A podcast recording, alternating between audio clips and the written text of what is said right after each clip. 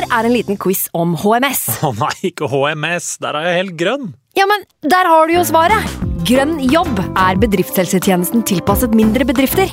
Våre HMS-eksperter hjelper mer enn 8000 bedrifter over hele Norge med alt fra lovpålagte HMS-krav til pålegg fra Arbeidstilsynet. Få på plass bedriftshelsetjeneste på grønnjobb.no. Hallo? Jeg kommer fra Oslo politikammer. Ine Jansen er purk. Er du purk? The motherfucking bitch. Alt jeg vil, er å finne ut hva som skjedde med mannen min. Jon Carew. Er jeg sikta for noe? Iben Akeli. Det er du. Ole So, Lars Berrum og Big Daddy Karsten. Hvem sin side er du på, egentlig? Anette Hoff, Tone Danielsen, Kommer du fra Afrika? Jørnis Josef, Nesten. Kløfta. Trond Espen Seim, Det er synd å si det, men det var feil mann som døde. Purk. Premiere tirsdag på TV2 Play. Har vi starte. Fantasy. God evening.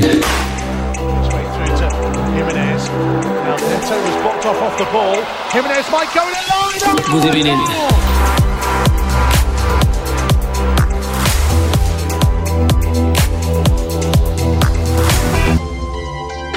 Hei sann, hei sann, og hjertelig velkommen til en ny episode med Fantasyrådet. Mitt navn er Franco, og jeg sitter her i dag med mine to freaks and geeks. Simen, hei. Good evening. Og Sondre, hallo. Hallo, good evening. Hei. Og i dag har vi med oss en gjest. Vi ønsker velkommen til Norges FPL-pods bestevenn. Eurosportreporter, nemlig skjørtejeger og Norges svar på Chris Kamara. Jonas Berg Johnsen, god formiddag. Oh, jo, takk, takk. Hyggelig med benevnelsen bestevenn eh, over eh, gateprostituert. Som jo har en fin korrelasjon til mitt eh, øvrige liv. Ja, men du er jo eh, Altså, du er jo Har jo dukker jo opp i fantasypodkastene rundt om i landet, og det er jo med god grunn. Så vi vil jo huke tak i deg og ha deg med tidlig og kanskje en gang til på, på våren. Det er vel målet, er det ikke det, Sondre? Jo, absolutt. Det er alltid, alltid trivelig å ha deg i studio. Jonas. Er det noen fantasyer og podkaster rundt om i landet som jeg har gått glipp av? Jeg føler jeg stort sett uh, råtner i sånne bunkerstudioer i Oslo Oslo-gryta. jeg. Men det er veldig flott hvis det fins noen der Jo, de, de her fanty, Nessa og gutta, de er, vel basert på Sørlandet eller noe sånt, ja. Jo. Er det Ja. Espen Tenker du på Fancy. Fans? Ja, Ja, de er på ja. Sørlandet. Det er Sørlandet, ja. Stemmer det. Stemmer det. Ja. Sørlandsidyllen, ja. Men Jonas, sommeren da? Sommeren er på hell. Har det blitt noe, noe smekking i sommer, holdt jeg på å si? Har det blitt noe Oi, oi, oi! ja, det er jo en rampegutt, Ja. man må jo spørre. Eh, Ja, nei da, men altså, eh, Rampegutt og rampegutt, her sitter jeg i et studio uh, med tre karer som ser ut som uh, de har lunsj i kantina på videregående. Det er altså monsterflasker og bokser over en fuckings lav sko her. Og de er jo salogrønne og jævlige og stinker drit. Uh, ja, den til din, Sondre, var ok, Ja, den med den mango mango der. Ja. Men nei Fin layout på den òg, med noen dødningshoder og ja, fytti rakkeren. Nei, det har vært en flott sommer, altså. Blitt en sånn fjellets mann. Ja, jeg har sett det på Ja. Instagrammen din. Jeg eh, trer tilbake fra mm, oppmerksomheten man får når man er på uh, playaen i Rio, eller har leid seg et mansion på Ibiza, eller uh, ligger på Hula Hula på Var i Kroatia. Så da trives jeg selvfølgelig best i skyggen uh, i, i de dype skoger og høye fjell. Oi, er det en ny Jonas? Ja, stemmer det. En ny og bedre Jonas? Ja, ny i hvert fall. Nei da, men har du, har du noe spesielt du vil dra opp fra sommeren? Altså, jeg, altså du, du har jo Jeg vet ikke, du er så åpen av deg som fyr, som har klart å følge livet ganske åpent på, på Instagram. Ja. Men jeg lurer på om du liksom har noen er- historier som du ikke forteller. Og sånn. Ja, Nei, Det er lenge siden jeg har fått sånn klagemelding av uh, søstera mi etter at uh, Instagram-storyen har gått over stokk og stein, som det pleier å gjøre en gang eller tre i løpet av sommeren. Men nå har jo de her festivalene og Musikkens dag og Pride og alle de her heldagskalasene har jo blitt litt borte i år. litt amputert. Ja, Så det har, det har vært litt kjedeligere. Men du filma ingenting fra grottefesten? Det overraska meg. Det overraska meg. uh, uh, der hadde jeg selvfølgelig lagt ut flere minutter med story som jeg raskt sletta da jeg så folk ble båret ut underveis. Neida, det var, eh, jeg var ikke i den eksklusive gjengen som fikk invitasjon, dessverre. Da hadde jeg i hvert fall hatt en mulighet til å dra, og så kunne jeg valgt det ned. Ja. Nå, nå er det bare sånn en fest som skjedde, og som var veldig ja, hadde trist eh, utfall, potensielt fatalt, da. så det var, eh, det var ikke bra. Det var ikke bra. Det var ikke, det var ikke bra. Eh, før vi går videre, sånn, eh, Sondre, Simen og Jonas, så skal jeg hilse deg, Jonas, fra Emil, fra Emil René. Jeg hørte det. Det var en kompis av meg som hørte den podden og bare 'Har du en beef med han Gukild?' Jeg bare 'Hæ, hva mener du?' Nei, det var noen måte man hilsa på på slutten av episoden der. Så, var, så måtte jeg høre på nytt. Jeg tenkte, Var det ikke noe beef i det? Ja, han var blid som sola, han. Ja, altså, ja, ja, Han hørtes jo kjempeblid ut. Han høres jo nesten ut som en fantasy-ekspert nå, Gukild. Han har jo tatt store steg. Ja, Han har jo det. Etter en veldig flott eh, 18-19-sesong der, irriterende bra, så Var har han jo blitt bitt. Hva har de hatt med òg. Ja, det selvfølgelig hadde han det. Snakka Vardy voldsomt, han. Men det er klart, Jamie Vardy han scorer på The Hawthorns. Dette visste vi. 50 ganger på rad, gutter. Fasit. Han trenger jo ikke skudd, han, så lenge han får straffer. Nei, exactly. Ja da, men uh, Gukild er fin, han. Absolutt. Nå, um, det overrasker meg litt egentlig at han er sånn at han har blitt glad i fantasy. Han er jo en sånn fyr som går all in i det han gjør. Men at han skulle bli sånn fantasy-nerd sånn som oss, det, litt, uh, det bryter litt med resten av stilen. Men hva mener du med at han er sånn all in i det han gjør? Ja, altså, han sånn enten han skal bli jagerflypilot, eller han skal ha nachspiel etter Carpe Diem-konsert i Praha, eller altså, Dere må høre den her fotballepisoden. den. Um, han er ekstremt dedikert, og han, uh, han har jo høye ambisjoner uh, på vegne av uh, ja, seg sjøl og det han holder på med. På en måte. Så det er ikke noe, um, det er ikke noe mellommjølk. Nei, fin fyr. Jonas, tankene dine om Arsenal denne sesongen, hvis vi tar på supporterbrillene før du tar på, på fantasybrillene, har du trua på Arteta-prosjektet, og Ja, hva syns du om ja. Det har jeg hatt egentlig ganske lenge, selv om det har gått litt rått. Eh, men det som var så kult på lørdag, syns jeg, var at jeg har egentlig vært veldig skeptisk til den 3-4-3-en. Jeg tenker at den kun fungerer i de kampene mot Liverpool, Chelsea, City, hvor de blir veldig baktunge, men er veldig effektive på kontra. Men det er jo litt sånn, for oss som har vært vant til å vokse opp med Wenger, så føles det litt feil allikevel. Eh, men det jeg syns nå mot Fulham, var at eh, når du ser på heatmappet, så er det jo egentlig de forsvarer seg jo med Holding og Gabriel som stoppere. Og så er Tierney og Beyerin veldig høyt, og så trekker Maitland Niles litt inn på midten og bidrar og er passingsalternativ med Elneni og Chaka, og så har du de tre framme. Um, heatmappet til Tierney er jo som en venstre wingback, selv om han spiller venstre stopper. For her var jo den diskusjonen sånn før sesongen, er han verdt eh, penga 5,5 når han skal spille stopper? Ja, kanskje ikke, tenker mange, men dette har vi jo sett en del eh, av nå, og særlig nå mot Fulham syns jeg det var eh, kjempeinteressant å se han fosse fram der. Så totalen er veldig positiv, da. Det kunne jo blitt et helt annet narrativ hvis Gabriels håpløse mislykka forsøk på pasning tilbake til Leno etter to minutter hadde gått i mål. Ja. For det kunne han fort ha gjort. Det var en Ja. strålende redning av Leno. Men for da hadde han blitt helt shaky som ny i den dype av de tre da. På stopperen der i sin første kamp, kan ikke et kvekk engelsk, ikke spilt noe med de spillerne i det hele tatt. Det var ganske litt overraskende at han begynte, det kan vi komme tilbake til. Men eh, totalen veldig bra. Aubameyang, alt han skyter på, blir jo mål. Ja. Og uh, William, helt sånn proff, grei gjennomføring. At han får tre målpoeng, er ganske friskt. Um, men uh, å, litt overraskende at Lacazette starta òg. Men virka som nå fikk jo alle som har vært linka vekk, starte omtrent. Mm. Elneni, Lacka, Beirin, Maitland Niles.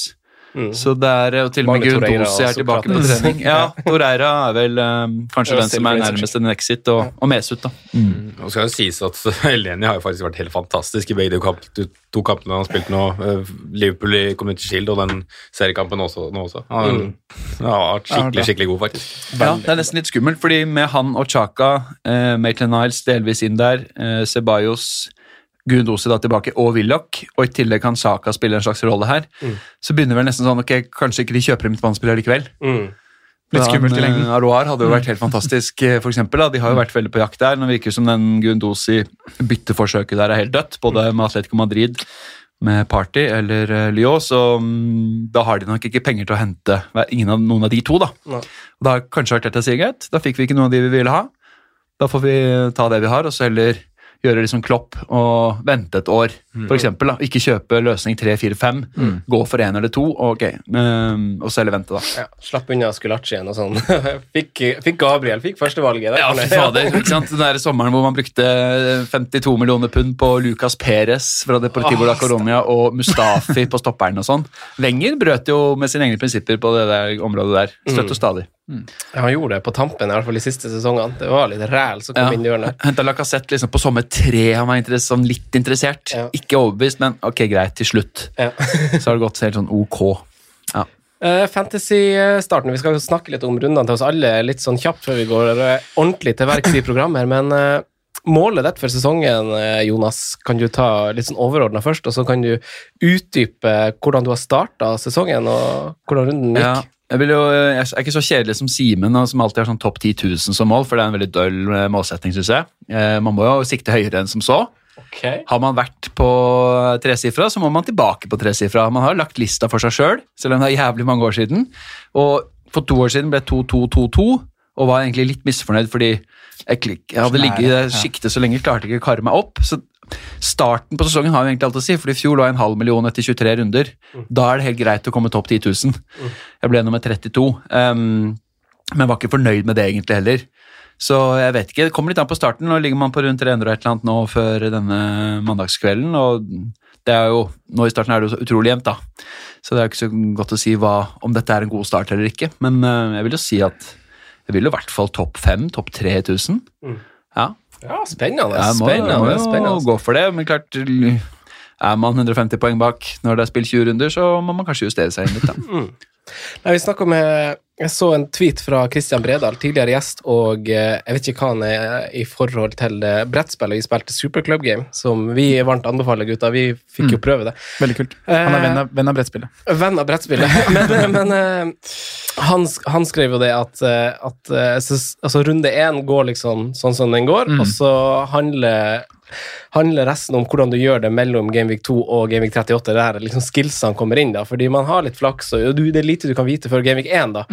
Eh, og vi ligger vel alle og vaker et sted på, på 60-tallet, føler jeg, og, og har en spiller eh, Ikke Simen, da. Har en spiller som gjenstår i kveld. Eh, Så når vi kan starte runden hos deg, hvis du drar oss litt igjennom dine siste tanker før deadline, og hvordan, hvordan du står før de to siste kampene i kveld. Ja, nei, Jeg står på 60 poeng, som du sier. Og så har jeg Timo, Timo Werner i kveld, da. Så det kan jo gjøre litt. Og så mm, var jeg en av de som hadde Saliba med fra start. Har en 50-50-vurdering på, på han eh, Rob Holding, egentlig. Så, så valgte jeg da av eh, ting vi har snakket om her, med Holding ryktet bort, sånne ting. eh, tenkte jeg kanskje at Saliba er foran i køen, da. Eh, så valgte å kjøre den, og så vet vi jo ikke helt Det har kanskje dere noe mer svar på, grunnen til at Saliba ikke startet. Det kan vi komme tilbake på. Men eh, det ble i hvert fall han. Eh, Det gjør da at jeg må få inn en benkespiller, og da er det Harrison Reed som er min 4-5 eh, midtbanespiller som, som kommer Ingen inn. gøy med forsvarsspiller inn der. Nei, for jeg, jeg hadde jo potensielt eh, Jeg har jo et lag som For å ta det sånn, da, så Jeg har Shaw på benken. Så jeg har, hadde bare fire forsvarere som skulle spille denne runden. Oppsett 4-4-2. Uh, Hadde jeg gjort andre vurderinger på midtbanen, de siste vurderingene jeg sto på, det var Che Adams eh, versus Danny Ings. Eh, den landa jeg vel egentlig fredag kveld. Valgte å gå Danny Ings, eh, det trygge, det sikre. eierandel. Var også litt usikker på, på Che Adams. Vi snakka litt om det, vi, Jonas, i en chat der, med, med spilletiden til Che Adams i fjor. Den perioden vi har snakka om hvor han har vært veldig, veldig god. Han har vært bra, men han har jo ikke spilt um, gjennomsnitt mer enn 50 minutter per match. Nesten Nei. mindre enn det òg, tror jeg. Ja, under det, og det var Ja. litt sånn der, å, han har så fantastiske tall med Ings på banen. Ja, det er helt riktig, for Ings spiller jo alt. Han spiller helt. Problemet at Ja. Spiller jo ikke så mye. Nei, mye ut etter 60-70, sånne ting. Og var et- fire av de matchene han ikke starta også. Så på bakgrunn av det da, så valgte jeg da å gå for det sikre og bruke de 2,5 ekstra på Danny Ings, som da gjorde at jeg måtte legge mindre penger bak i banen. Eh, og også at jeg måtte ta en vurdering på Son versus Ali. Eh, og der endte jeg da opp med å gå, gå del av Ali. Eh, spare en million der. Eh, så, så laget mitt har da blitt uh, Jeg kan dra kjapt mellom dem. McCarthy står i mål. Uh, Trent uh, dobbel Tottenham bak. Davis Dyer. Saliba og Luke Shaw på benken. Salah, Auba, Dela Ali, St. Maxima og Harrison Reed. Og Danny Ings, Timo Werner pluss en død Davis på topp. Så 4-4-2-oppsett. Eh, klar med United nå i runde to i form av Luke Shaw. Eh, og har jo spillerom i, eh, i eh, egentlig alle ledd. da. Salah, Auba, Ali gjør at jeg kan flekse fint på midtbanen. Eh, Werner, Ings gjør at jeg er fleksibel på topp. Hopper på Martial, hopper på Ja, det er kort vei opp til 10-5-spissen også, hvis jeg, det skulle være ønskelig. Eh, også veldig greit å dytte ned til Che Adams, Dominic Calvert-Lewin. De spillerne vi kanskje var litt mer usikre på fra start. Men eh, litt så som så start. Salah kaptein redder jo selvfølgelig mye. Det kunne vel være, Sondre. Kunne vært verre. Eh, Simen, da, min gode venn. Hvordan, eh, hva var dine dilemmaer, og hvordan og hvorfor? og Hvor står du? Eh, altså, jeg våkna lørdagen, så hadde jeg Callum Wilson og Kieran Tierney inne, og det er vel kanskje de plassene jeg var mest på vippen. Eh, Chadams versus Callum Wilson. Eh, frykta rett og slett at den ikke kom til å starte, så det var den vurderinga jeg gjorde der. Callum, ja. Ja. Eh, og Tierney var det versus Dockerty, så Jeg syns du lander så. egentlig på de logiske valgene. Ja, jeg- Fordi jeg må si jeg var litt overraska at Newcastle pumpa inn alle mann fra start. Ja. Uh, Frazier er jo ikke helt klar, men uh, Men ellers så pumper de inn, ja. Og, og så var det også sånn litt sånn kappløp på den siste plassen som ble sånn ingenmannsland. Jeg ender på Pereira, bare for å har de gitt, slår alt av dødballer, kanskje de har en brukbar start. Mm. du skulle veldig gjerne hatt råd til Harvey Barnes når jeg satte opp, men der var jeg alltid 0-1. eh, nei, 1 mill. eller en halv million unna, så uansett hvordan jeg vridde og vendte på det, så, så var jeg på en måte fornøyd med laget når deadline starta sånn, altså, men eh, når du bommer så Altså, når Spurs er så dårlig, Liverpool så shaky um, West Brom viser vel egentlig ingenting, og så Saints også, så, så sitter man liksom en, plutselig med et lag som ser veldig bedritent ut under to allerede nå, da. Ehm, så det er liksom synes så Poengmessig er det sånn helt greit. Uh, 65 poeng, ingen igjen, men lander for så vidt med begge beina godt planta, så ja, det er litt sånn uffen situasjon det blei, uh, men ja. det er en veldig Sånn rar åpningsrunde. Når man ser på det Dream Teamet etter de kampene som Ja. har vært til nå, så er det jo egentlig ingen spillere der som er aktuelle, annet enn Salah, Vardy sikre. Og det er faktisk eh, 10,9% som har William nå. Oi. Det er ganske mye. Såpass, ja. Det var 8 før runden. Men Han har steget noe voldsomt i eierandel, kjøpt over 100 000. Men resten er mye rart. Det er ikke mange som hadde hatt din inne heller fra start. Nei. Nei. Så mm, det at det blir over 60 poeng på alle, er jo kun pga. Sala. Så stakkars de som ikke Så, i- så er det sånn der. bittert når du først velger å gå på, en måte, Nå har vi bare spilt én runde, da, så vi har jo på en måte ikke noe godt grunnlag, men når du velger å gå veldig dyrt, da, så leverer nesten alle de billige opplagte valgene som du følte vi har prata om i hele, hele sommer, da, med, med James Justin, med, med Mitchell som jeg har på benk. altså Du kunne sanka ganske godt poeng med ganske billig forsvar den Ja, da. Louis Yes.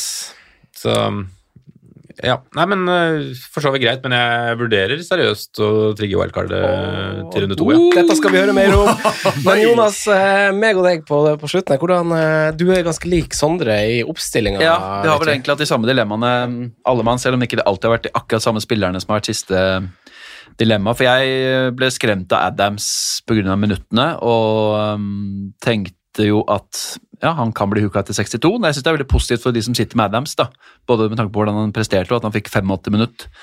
Eh, Så det er noe interessant um, å se om man kan gå budsjettveien der, for jeg endte opp med Ings, da. Og har samme gjengen foran som eh, Sondre, men jeg har Sorcek eh, som siste femtemann. Jeg spiller 3-5-2 i utgangspunktet.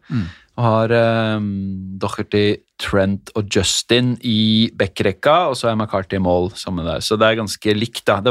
Dilemmaene gikk jo egentlig på dobbel Liverpool. um, og det lå lenge inne. Det ville betydd Midrovic fra topp eh, fra start for min del. Istedenfor Ings. Ja, istedenfor Ings eller Che Adams. da. Og så har jeg hatt Son inne i veldig mange runder, men for å, jeg var så usikker på dette 4,5-sjiktet. Hvem er det som kommer til å levere av dem i bak? Er det Leeds, er det Leicester, er det Southampton, er det Newcastle? Det var liksom så mange, så jeg vil heller klemme inn St. Maximæ i tillegg der, og det gjorde at det kosta meg Ali. Nei, sånn, da ble det Ally istedenfor. Så jeg er jo helt midt på treet her. Det er jo egentlig bare Justin eh, og helt ok fra Aubameyang. Ellers er det jo syltynt hos meg òg, men poengsummen er noe grei. Og fordi Salah har så sjokkerende lav eierandel av eh, i hele verden, er så betyr det at man får en ganske god start. da. Eh, så det der hat tricket der er jo uh, altbetydende, rett og slett. Mm. Så det er rett og slett kongen av fantasy. Altså, de tallene han har levert nå, og starter denne sesongen her med tre skåringer, så det er, Ja. det er helt spinnvilt. Samtidig skal man ikke glemme at eh, han kosta meg 25 000, 30 000 eh, i rank gjennom korona. Ja. Pga. sjansen hans vei. Ja. Han har cap i flere topoengere der, mens Stirling lagde hakkemat av uh, ranken min. Så jeg var faktisk litt sånn i nærheten av å vurdere Aubameyang som kaptein. Ja. Det var jeg faktisk. Vi snakka litt om det på Patreon, at utover eller sånn, de to siste ukene det har vært ganske klart fra trans nei, Fictures kom og sånne ting at ja, greit, Salah er klink kaptein, men gjennom preseason så har Aubameyang hatt formen. Mm. Så han har jo bare blitt mer og mer aktuell inn mot deadline. Mm. Ja, men han fortjente, altså, han fortjente jo på en måte en shout. På samme måte som ja. Ronaldo liksom har fortjent å bli sammenligna med Messi, så har han liksom aldri vært like god. Så, så, det, så, blir, det- så blir det jo litt sånn som med Salah og Aubameyang nå. Det må jo opp til diskusjon, men, eh, men det var jo aldri nært. Altså, vi Mm. Nei. slo ganske hardt i bordet både på podkast og på Patrion at uh, Sala er veien. Ja, og så ser vi også at uh, Jeg så jo også i Norge pollen, altså Vår poll på Twitter Mm. hadde vel nesten 2000 stemmer. og Der var jo Sala ikke suveren, men han var 10-11-12 over Aubameyang. Men ser jo i, på engelske poller, det var jo Aubameyang ja. mest valgt. Ja, Så, Men Fantasy Football Scouten, det overraska meg at det var så klar. Det var Ja. over 50% på Aubameyang. Jeg også Ja. sa veldig der, altså. Eh, For én ting er liksom worldwide, og at folk har fått med seg litt at Aubameyang har vært i veldig bra form. da. Ja. Tross alt. Alt han prikker inn, går jo i, oppi opp i Lengste der. Ja, det er helt vilt. Eh, hadde jo en fantastisk en mot Villa òg, i den Ja. treningskampen som eh, var lukka. Så eh, jeg kan forstå at folk tok Ja. en liten punt på det, altså. Men, eh, men eh, ja, det er, det er det som er så jækla ekkelt med å ikke ha Salah, rett og Ja. slett. Men er- forskjellen på Auba og syns jeg, kontra nå, kanskje spesielt under Emry, er jo at nå bygger de jo opp et lag, og det er et tydelig mønster når han kommer til de sjansene. altså Du ser at det er gjennomarbeid- gjennomarbeida, hvordan de skal sette han opp, og hvordan han skal på en måte utfordre og, legge den i hjørnet. Før så følte jeg det var mer, selv om han spilte ut på kanten, at det var litt mer tilfeldig hvordan målene kom. At han bare dukka inn, at det var gode prestasjoner. Nå ser du at det er innarbeida og, og et tydelig mønster. ja, han er god. Jeg står med, jeg får inn en spiller fra benken. Jeg kan forklare kjapt hvorfor. Eh, Jeg går jo litt annerledes enn dere, eh, Jonas og Sondre, spesielt. Selvfølgelig veldig ulikt fra deg, Simen. Eh, Men jeg har jo da Son i stedet for Ali, og så har jeg eh, litt, litt rimeligere investert bak.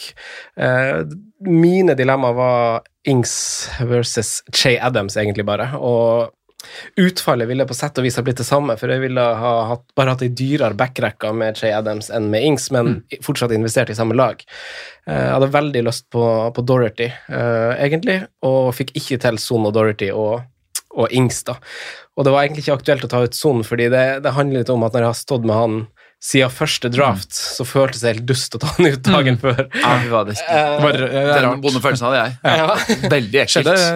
klokka Men jeg syns Docherty over Davies var verdt det. For Ja. meg. Ja, det, Eh, Ja, det, det syns jeg på en måte man, synes undersøkelsen også viser litt, da, at Docherty, selv om han ikke får 90 minutter, så er jo posisjonene veldig fine her, da. Og jeg ville jo han han har den ganske ene store sjansen. Ja. der, i hvert fall. Men, eh, men sånn som Mourinho sa etter kampen, han sa jo, eh, han sa jo 'not my Dorothy'. For han, han kom jo Han hadde jo ferie, og så dro han lett, rett på landslagsoppdrag og spilte to 90-minutter uten å ha ei trening. Uh, og så rett tilbake til uh, å spille Premier League. Hadde et par-tre treninger med, med, med gruppa før han ble Ja. kastet ut der.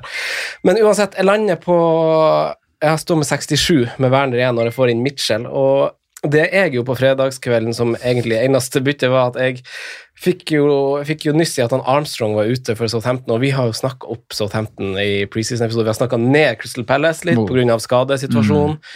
Eh, og da tenkte jeg at jeg skulle, skulle gå smallbone.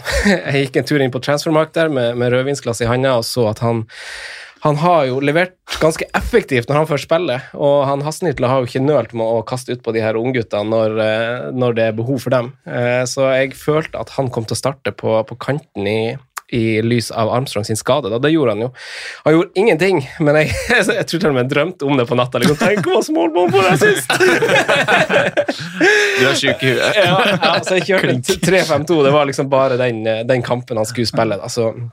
Og akkurat mer enn det kan ikke jeg være så bitter over. Jeg tror jeg har vært innom samtlige 4,5-forsvarere som jeg har vurdert. Så det er liksom Altså At de Newcastle-folkene og sånn får clean sheet, sånn, det kan jeg ikke være bitter for, for jeg har vurdert alle mann. så, så Ja, det, det skjønner jeg godt. Det er akkurat sånn jeg tenkte òg. Så Ja. når Louis blinker til meg med sju poeng eh, med et lurt smil der, så er det sånn ok, det får heller være. Ja. Og de aller aller fleste hadde også Mitchell på benk, og så er det vel noen få som får han inn for Saliba. Det er jo nesten ingen andre spillere som ikke fikk spilletid i Game Weekend. Nei, ikke sant. Nei, sant. Eh, Sondre, hva mer har vi på agendaen i dag? Det blir årets første synsundersøkelse. Spalten hvor vi snakker litt om hva vi har sett i runden som gikk. Om det er noe positivt, eh, eller positive utmerkelser, eller noe, noe negativt. Eh, Etter det så tar vi en bolk med lyttespørsmål, og vi skal snakke en del om forsvarsspillere. Mange har spurt oss om eh, Saliba, da, som vi har nevnt, eh, og også Flere spørsmål rundt eh, Robertson versus Trent, så vi må ta litt rundt, eh, rundt den duellen der. Eh, lag som skuffet oss, Southampton og Spurs. Eh, mange, inkludert oss, er godt investert. Hva gjør vi med spillere derfra? Og avslutningsvis så tar vi litt eh, og ser litt på lagene som har godt program fremover, og som også imponerte oss litt i åpningsrunden. Mm. Veldig bra. Da kjører vi på en pause.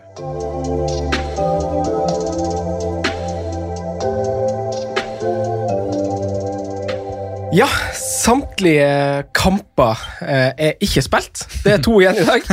Eh, det er fire lag som blenker, og jeg vet jo at dere gutter har eh, vært på vift både, både her og der. Sondre, du spilte kamp på lørdag. Ja. Simen, du har vært på en liten vodkasnurr. Jonas har vært i skogen. Men lørdagen tenkte jeg at jeg kunne druse gjennom, for da fikk jeg Jeg var alene hjemme og så samtlige kamper, eller med en venn på besøk. Eh, så det var artig med Premier League-start, så jeg tenkte jeg kunne druse gjennom det kjapt. Jonas, du så kanskje Arsenal? Ja, og Liverpool. Ja, ok, så det da, da, har, da får du bare eh, hadde jeg kvart øye på den Palace-Southampton-matchen. Ja, det var så kjedelig at jeg altså. orka ikke. Nei, men for eh, det er jo eh, det, det er jo en del temaer som kommer til å bli gjentatt i diskusjonen, tenker jeg, også senere, så jeg tenkte jeg bare tar det litt kjapt, for jeg føler jo Arsdal er ganske god som kollektiv. Eh, Først og fremst der Viljan sine målgivende er jo enten så er de ikke ferdigskåra, eller så er de ganske tilfeldige. Jeg ser jo hans expected assist ligger på 0,22 på Fantasy Football Scout, han har tre assist. Eh, så det er jo en effektiv kamp, og så er jeg litt sånn veldig fornøyd som supporter, men samtidig så tenker jeg litt sånn Er det bare Fulham som er fette dårlig? For det- viktig for det- perspektiv. ja, det er liksom tidlig å si etter én Ja. kamp, men uh, Det var noe veldig gjenkjennbart fra 18-19 der. Ja. De skaper lite. Og Ingenting. uten Mitrovic Mitrovic var det jo pinlig tamt. Så han kom inn og lagde litt sånn brøytevei i vellinga, men ikke noe særlig mer enn det. Da var jo på en måte kampen tapt òg. mm. Kan ikke du si litt, Jonas, om eh, Jeg vet jo at du har jo Jeg og du begge hadde jo vurdert Simen òg, for den saks skyld, men Tierney eh, Vi har jo frykta litt den venstre stopperplassen han skulle få, men du har antydet at du har sett litt på heatmapet, og at det så, så bra ut også i kamp. Ja, eh, problemet er jo fortsatt at eh, programmet er så tungt fra runde tre at han er helt uaktuell. Saliba hadde jeg eh, inne i en del drafts fordi han kan roteres i de eh, kampene og så spille hjemme, men det er ikke sikkert Arsenal får så mange clean sheets der heller. Det er liksom litt sånn ekle beist å møte. Sheffield United, Wolves, uh, Leicester, det er vel en del sånne lag i de hjemmekampene, så Arsenal har et blodrødt program egentlig. altså så uh, Utrolig viktig at de fikk seier nå. De bør også slå Westham neste, men det gjør at jeg står av Mm. Uh, står av Tierney, men positivt, veldig positiv til han på, på sikt. Saliba um, trodde jeg kom til å starte. Ja? Antageligvis så, har, det, så har Arteta sett at Gabriel er han er noen år eldre, at han er litt nærmere det fysiske, det mentale, kanskje. Det er litt, litt overraskende, for Saliba har tross alt fått spilletid i treningskapet, Gabriel kommer rett inn. Men ikke Eh, i tropp. Nei, Det- det ikke er tropp ikke engang. Ja, at han ikke er på benken engang. Ingen stopper på, Nei, på benken. det er, det er noe For jeg tenkte skade med en gang. At det ja, hadde tenkte skjedd jeg noe. Ja. Ja, og når Arteta da sier nå we have to liksom Vi skal mm, få han eh, rolig og varsomt inn i, Ja, i dette her, så jeg må si det er litt sånn ok. Eh, Så beklager til alle jeg lokka utpå og fikk til å kjøpe Saliba, fordi folk spurte holdingen i Saliba, så eh, begge kommer til å starte, sa jeg. Ja, ja, det jeg. Um, det kan jo hende at um, Arteta ikke ville røre for mye i den bakre treeren, fordi ved å flytte Holding inn og Saliba ut på høyre, så gjør du to endringer. Nå ble Holding liggende til høyre, og så bare um, Gabriel erstatter Louise. Kan jo være noe sånt. Fordi, og det kan man også forstå med tanke på hvordan de spiller eh, når tierne fyker, så er det jo egentlig en eh, firer bak, på en måte, eller en toer bak med de to stopperne. Da er det jo fint å ha en venstrefota der, Mm. for det er jo ikke så vanlig å ha to venstrefota i en sånn treer. Um, Gabriel er, da venstrebeint. så jeg tror kanskje det kan ha litt å si også. At Holding da var ganske klink, Tierney var klink, og så passer det faktisk bedre Ja. med venstrefota midtstopper der ved siden av enn eh, Saliba som er høyrebeint. da. Jeg tror kanskje noe sånt, og så kan det ta litt tid før man gradvis får se hvordan dette her eh, utarter. Jeg vet ikke. Ja, den er jo interessant, for det, det bryter, brøt jo litt mot prinsippene til Arteta. Han har vært veldig på det at, liksom, at det er viktig å lære seg språket, spesielt i bakre ledd, for å, at den kommunikasjonen er så viktig. da. Ja. Og så sier han jo også etter kampen, han har ikke spilt fotball på seks måneder, Gabriel, liksom, og så bare og så rett inn. Nei. Så det, det er litt overraskende, men eh, Har nok happa litt på de seks månedene. ja da, for all del, men eh, det, det er bare overraskende. Man så veldig rusten ut helt i starten. da. Ja. Kunne fått nære- verdens verste start, så Ja, det, de kommer billig unna Det det. var greit at det var Kamara som fikk den sjansen der. Ja. Det er ikke mange Premier League-skåringer på der. Nei, Det offensive i Arsenal er jo, ser jo bra Jeg syns Lacassette ser eh, så bedre ut enn hva han på lenge har gjort. Eh, Det skal ikke sies at det er noe sånn fantasyvalg med det første, men eh, Overhodet ikke. Altfor dyrt. ikke. Men eh, man har jo sett en del lag med Saka og Nketia, da. Ja. Jeg hadde vært mot det sterkt, men folk har liksom vært så kåte på det likevel, tror jeg. Ja, ja. Fordi Jeg det er billig. Jeg trodde også de skulle starte. I hvert fall Neketia trodde jeg skulle starte. Det var noe sånn to-treviks punts, holdt jeg på å si. Det ble jo Ja, som sagt, du har nevnt det, du òg. Ja. Nikketida, men eh, ja. Uh, Pelle Southampton uh, det, jeg, altså jeg føler, Da jeg så den kampen, at jeg skal være mer tålmodig. Jeg er jo Ings-eier, mm. men det hadde også vært det som Che Adams-eier. Begge er jo veldig farlig frampå ved et par anledninger hver. Guaita er jo god i målet. Det er en grunn til at han står med fem redninger og tre bonus etter den kampen der.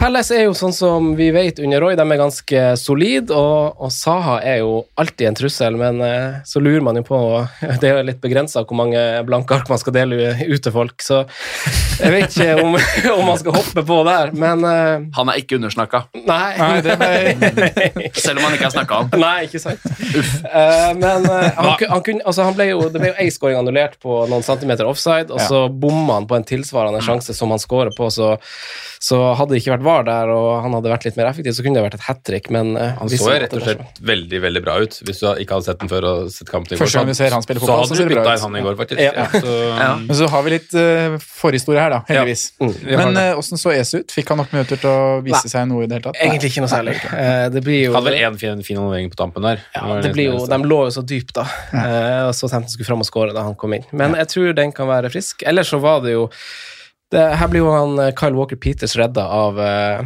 av at han eh, Moss får sjekke i kamera der. Han, Det var deilig. Han får jo først direkte Men han hadde jo en horribel Har, har du han Kyle Walker Peters? Nei, jeg, men han var lenge, lenge, Ja, lenge inne. riktig. Utelukkende ikke med fordi jeg har dobbelt på McCarthy uh, i bak i mål, så jeg ville ikke ha dobbel. Jeg stoler ikke nok på Southampton, men han var jo bra ellers offensivt, syns jeg. Ja, han var det. Jeg så bare, jeg så bare at han hadde veldig mange De hadde var gjennom det i TV 2-studio òg. Han hadde fem balltap mer i første omgangen enn noen andre på banen.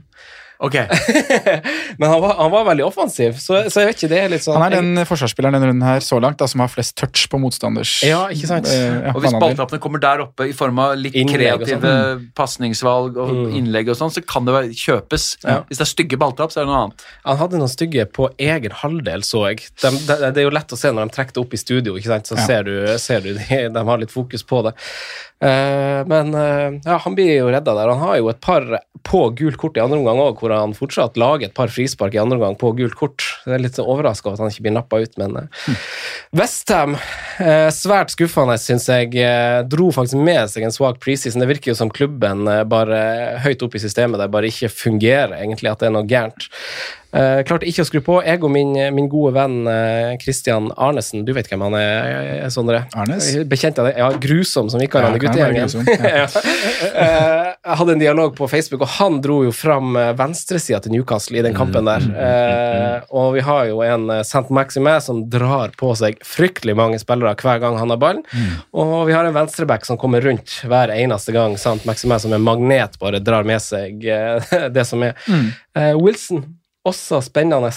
Uh, Simen, jeg vet jo at du har, har eh, litt tanker i Newcastle. Ja, altså, mm, Wilson var som jeg nevnte i stad, inne når jeg våkna, våkna lørdag, så går jeg tilbake på en måte til det jeg hadde tenkt hele veien. så uh, for at det ikke starter, Men uh, jeg syns prisen der egentlig er litt overraskende lav, da. Jeg må si det. Men det har jo litt med at fjorårssesongen kanskje ikke var den aller, uh, aller beste sesongen heller, da. Men kanskje like mye lagets skyld, holdt jeg på å si, som Callum Wilson. så jeg syns prisen der er fin, men så er det jo, må man tenke også nå Nå skåret Newcastle 2 i runde 1, og Jeff Henrik så ut som verdens beste fotballspiller, så, så vi kan ikke bruke bare det som grunnlag. Altså, vi, vi må på en måte ha mer materie her, da. Men jeg syns jo det- prissettingene her Louis, Callum Wilson, er altså. Maxime altså, Det er litt, det er litt pent. Et av de fineste sesongspillene jeg har sett denne året her, er egentlig Newcastle over 38,5 poeng eller noe sånt. Ja. Som man fikk for får man rundt to odds på. Jeg syns det ser ut som et kjempespill. Ja. Det er antageligvis allerede i i vasken. Jeg burde satt masse penger på det, men de er jo godt forsterka nå på tampen. Litt overraskende at det ser så bra ut så raskt, men det er klart, kan ha med motstanden å gjøre. Osa B i den kampen der, syns jeg, Mm. fra før. Og eh, det her er jo, som du sier, også litt av grunnen til at man ikke bør ta wildcard så tidlig, da. Det er én kamp. Ja. Det er Det, det, det er seks kamper som er spilt Ikke sant? totalt. Man har Ikke sett? Leicester mot West Brom, man har sett Arsenal mot Fulham. Hva betyr det egentlig? Man har sett Everton mot et begredelig Tottenham. Ja, be, ja delvis ja, i hvert fall, ja, men samtidig Pickford redda dem i første omgang, med Ali og Docherty-redningene. Så oh, den Ali-redningen er god. ja, den er det, ass. Og, så hva er det vi egentlig har sett? Så derfor tenker jeg at eh, det er altfor overgitt å gå nå. Har- ingen av de her er sånn Å, shit! Pukki Cantwell-variantene har vi ikke fått ennå. Så jeg synes det Selv om jeg ser laget ditt og tenker ok, litt mange egg i Tottenham, Liverpool, Southampton-kurven kanskje, men um, du har jo satt opp det laget fordi du er ikke en idiot. Nei, nei. det kan vel sikkert diskuteres, det. Men, eh, men ja, men det, det er- kult at også lag man kanskje har for det var ikke, Med unntak av Maximas så er det ikke veldig mange andre som på en måte har vært i diskusjonen før, før signeringen kom på tampen her nå på Newcastle. Eller, da. Så det er jo kult at de har en sånn start, og at de, det blir litt Ja. bedre, og det blir litt varianter nå. da. Men St. Maximas bidrag var det primært at han dro på seg oppmerksomhet og spillere, sånn at Louis fikk plass. For det Ja. var noen som eh, hadde sett kampen og sa at han var helt ordinær, ikke var involvert i så mye farlig, i hvert fall. Hvem, Louis? Nei, eh. Maximas. Maxime. Eh, han var ganske god i første omgang, forsto jeg, eh, og så dabba det litt av. Men eh, han var jo ikke så langt framme i banen i den delen av kampen jeg så. Eh, da var det jo mest de spissene som jobber der. Carroll oppe med albuen, holdt jeg på å si. Og, Hvis han backer med stats, da, så er det jo ingenting å se til. Nei, det var akkurat Ett det. skudd, Nei. null i boks, null på mål, to Ja. touch i 16. Og det skuddet er jo sånn bare sånn blaff, egentlig. Ja. Ja, Så han hadde jo ikke sånn sånn vanvittige tall heller i sommer, selv om han hadde noen sånne bursts som mot Bournemouth borte og sånn. jeg Så, syns han var langt nede og henta, og satt, Ja, satt, satt fart, liksom. Ja. tok ballen og dro med seg Dro den liksom inn i banen, og så ble det jo selvfølgelig noe med, og så kommer overlappen, og så kommer innlegget gjerne til, eh, til spissene der. Men Western fortsetter jo da med det vi snakket om, som de har gjort i alle år. holdt jeg på på hjemmebane. Høy expected goals conceded, mange skudd imot i boks, mange skudd imot generelt. Og så det hjemme mot Newcastle. Newcastle. Ja. Ja. Det er vintage uh, Ja. Westham. Men eh, jeg vet at eh, Sondre og Jonas, dere har vært aktive på, på søndagstitting. Ja, Eh, Sondre, jeg hopper, hopper til deg eh, først, jeg. Ja, vi kan eh, fikk sett i hvert fall eh, hele West Bromwich Leicester, og så så jeg første 60 da, av eh, Spurs Everton. Eh, Så vi starter med første matchen, så det var jo ikke noe stor, stor fotballmatch, selv om det skåres tre mål. Eh, Dørgende kjedelig. Men jeg syns egentlig West Bromwich starta kampen ganske friskt. da. Eh, Første halvtime der hadde litt bra tak på Leicester, og Leicester spilte mot mye baller. Kom seg liksom aldri helt ut av det ja, semihøye og litt friske presset West Bromwich satt. Eh, Og i den perioden syns jeg jo spesielt Jeg la merke til to spillere, og det var jo Diangana, som vi har snakket litt om. Syns han var frisk på venstresida. Kommer seg rundt et par ganger, har noen driblinger som Ja, det er noe ved han, da. Uh, og så var det faktisk eh, høyre wingback, uh, Furlong. Jeg tenkte på utgangsposisjonen hans. De spiller jo en uh, 3-5-2. Ja, Det gjorde de nå for første gang. ja, for det ble jeg veldig overraska over. Under bil. De Ja. gjorde ikke det én gang i fjor. Nei, for jeg, og han lå jo han ble jo spilt igjennom nesten alene med keeper av keeper Johnstone der. Det er jo den situasjonen hvor Justin får gult kort, og egentlig det er jo nære at han er helt igjennom. Så det ser ikke ut som vi skal ha noe defensivt fra West Brom, men han har i hvert fall en utgangsposisjon som er sånn ja, Dockerty- Dockerty-stil. da. Så det var spennende. Men, uh, men det jeg synes de skapte veldig få sjanser likevel. Ja. Minimalt. Litt sånn samme følelse som Fulham. Hvem skal skåre målet her? De har jo ikke en det holder ikke med Colum. Colin Robinson på Nei, også Robson kan nu Nei. inn, liksom. Altså, eh.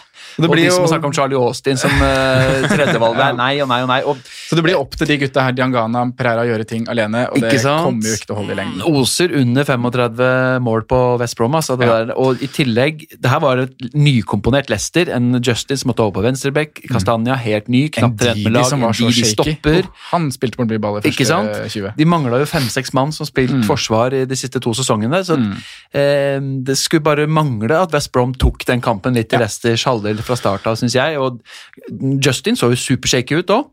Trodde Fikk det ut i gule kortet. Trodde han rett og slett skulle bytta ut etter Tenkte 45. jeg sånn, Det er typisk. Med huket av null poeng, Ja. og så får man søren meg en nier på han. Det er uh, digg, ass. Men det skal sies om han, da. Han gjorde en veldig god annenomgang offensivt. Um, er jo involvert i oppbyggingen til 1-0, blir felt på 3-0. Har Ja. også et annet innleggsforsøk som er bra. Mm. Um, men eh, høydepunktene på Match of the Day der, så Mika Richards skrøt faktisk av Justin, så han gjorde en veldig bra kamp på venstrebekk. veldig rart. Um, men den han var veldig positiv til, var jo på motsatt side, da. Ja, eh, Nykommeren fra Tim Atalanta. Timothy. Yes. Eh, og um, i det Atalanta-oppsettet så var det jo uh, Gossens på motsatt som hadde flest målpoeng for, for det laget, i et lag som dytta inn mål, men han utrolig frekk og lå jo nesten som en wingback. Litt sånn Docherty-aktig, Ja. egentlig, selv om de spilte 4-4 eh, 4 1-4-1 er det vel egentlig, når, eh, de setter opp. Men Når de har ordinær Ja, Ja. sett. Ja. Så jeg syns jo det ser meget interessant ut i 5-5. Så Ja. Spørsmålet er hvordan det blir når Pereira kommer inn. Da er det vel han som skal spille venstre. Han er jo Jeg tror han ja, er Justin kapabel til å ut spille og begge. Timothy opp på venstre, ja. Ja, det Men det er jo snakk om en god stund til akkurat det skjer, da. Det er det jo. Men en annen som jeg vi nevner fra Leicester, er jo Harvey Barnes. Yes. Uh, ja, så veldig, veldig frisk ut. Burde jo hatt med seg scoring. Eh, og det backes jo også veldig av stats. da. Fem skudd, fem i boks. eh, ah, åtte touch i motstanders 16. Så jeg spår en god sesong på Harvey Barnes. Og Spilte 90 minutter. det gjorde han nå. Ja, det var jo også som ble huka tidlig, og. Barnes var frisk hele veien Han var inn. det. Han var Det der var bra. Altså. Mm. Han tror jeg til sju, og Så det hans... programmet som Lester har, Enig. Enig. satt han altså. Ja. Det, der gjelder det å komme seg på Det er sånn type jeg virkelig vurderer å ta inn, Ja. faktisk. Spennende. Kudos til de som gikk der fra start. Og Ja. de Jokerud, han jækla sniken. Og han gikk Barnes. ja. For han var litt frustrerende i fjor, eh, både jeg også, selvfølgelig, men også Barnes var litt sånn Du, du visste ikke helt hvor du hadde den. Nei, jeg slett med å treffe det. Jeg hadde den jo eh, inne et par ganger, faktisk, men det var, aldri, det var alltid enten litt for sent eller Ja. Ja. Det gikk, gikk Den andre kampen, da, Jonas. Eh, oh. Everton. Hva her? José Mourinho inn! La han bli! La han bli! Når Spurs-fansen begynner å tvitre 'get him out', så tenker jeg 'let him stay', ass. Uh, men jeg syns jo det narrativet der ble litt sånn 'å, fy fader, nå var Spurs dårlige, Everton var kanongode'. Blir jo prega av hvem som får det første målet i den kampen her.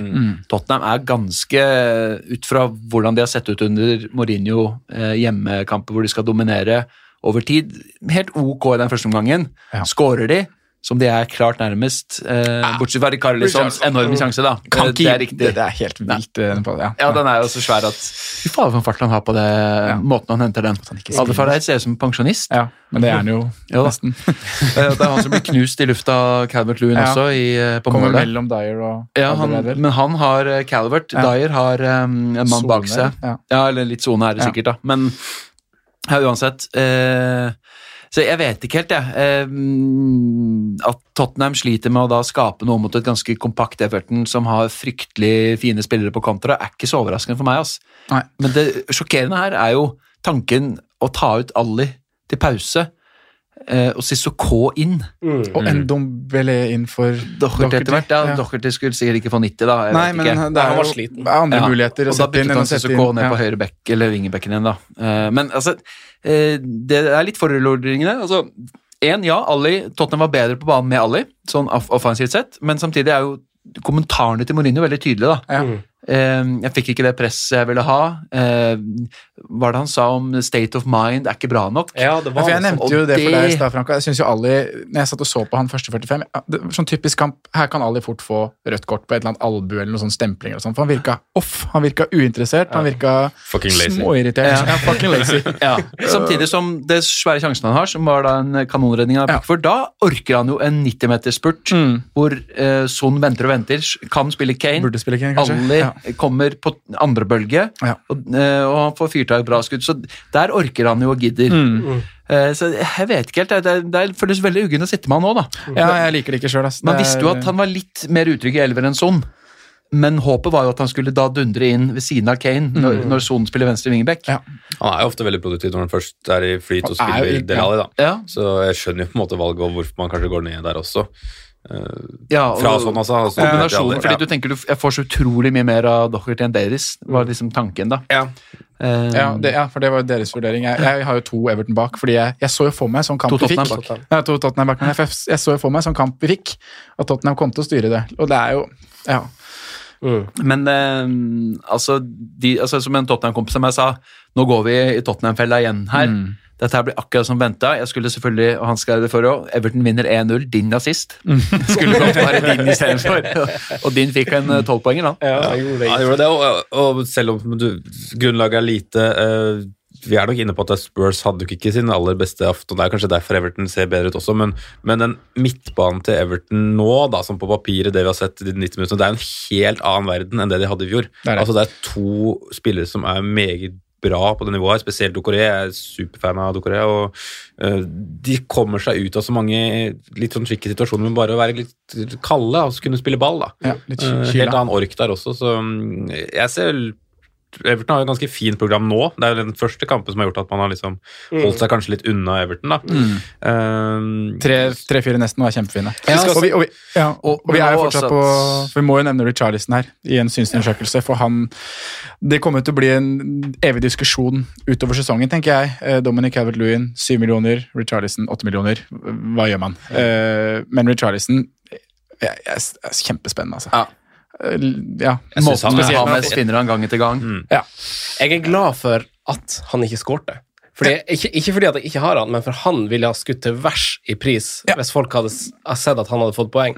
Fordi den prestasjonen eller sånn, ikke, For prestasjon kan man si hva man vil om, for han bommer jo på mange sjanser. ja, sløser og Dæven hvor masse han kom til, liksom. Uh, Dorothy var sliten og fikk lite hjelp, men uh, det er altså så masse Richarlison i, i den kampen der at uh, det vekkes jo av uh, folks kjøpevillighet, da.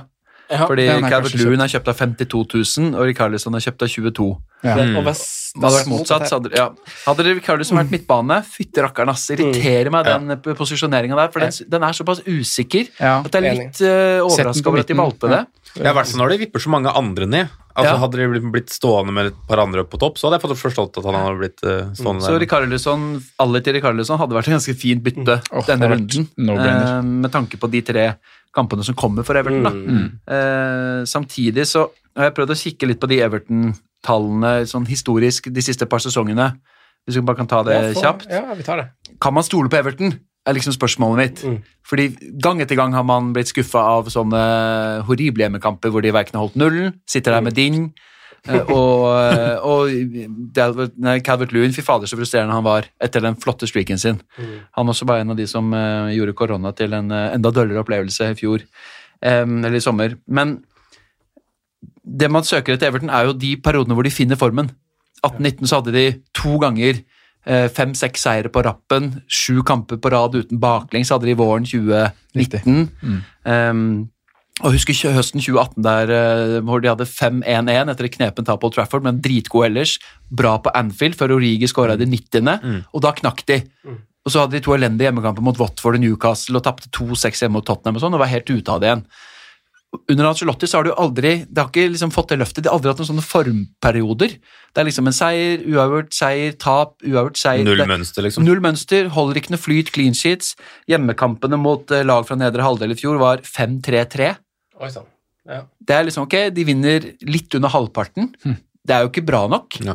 Eh, De taper hjemme mot Bournemouth på slutten der. De, ok, kanskje korona er litt rart, men gjennom hele sesongen rett og slett ikke bra nok.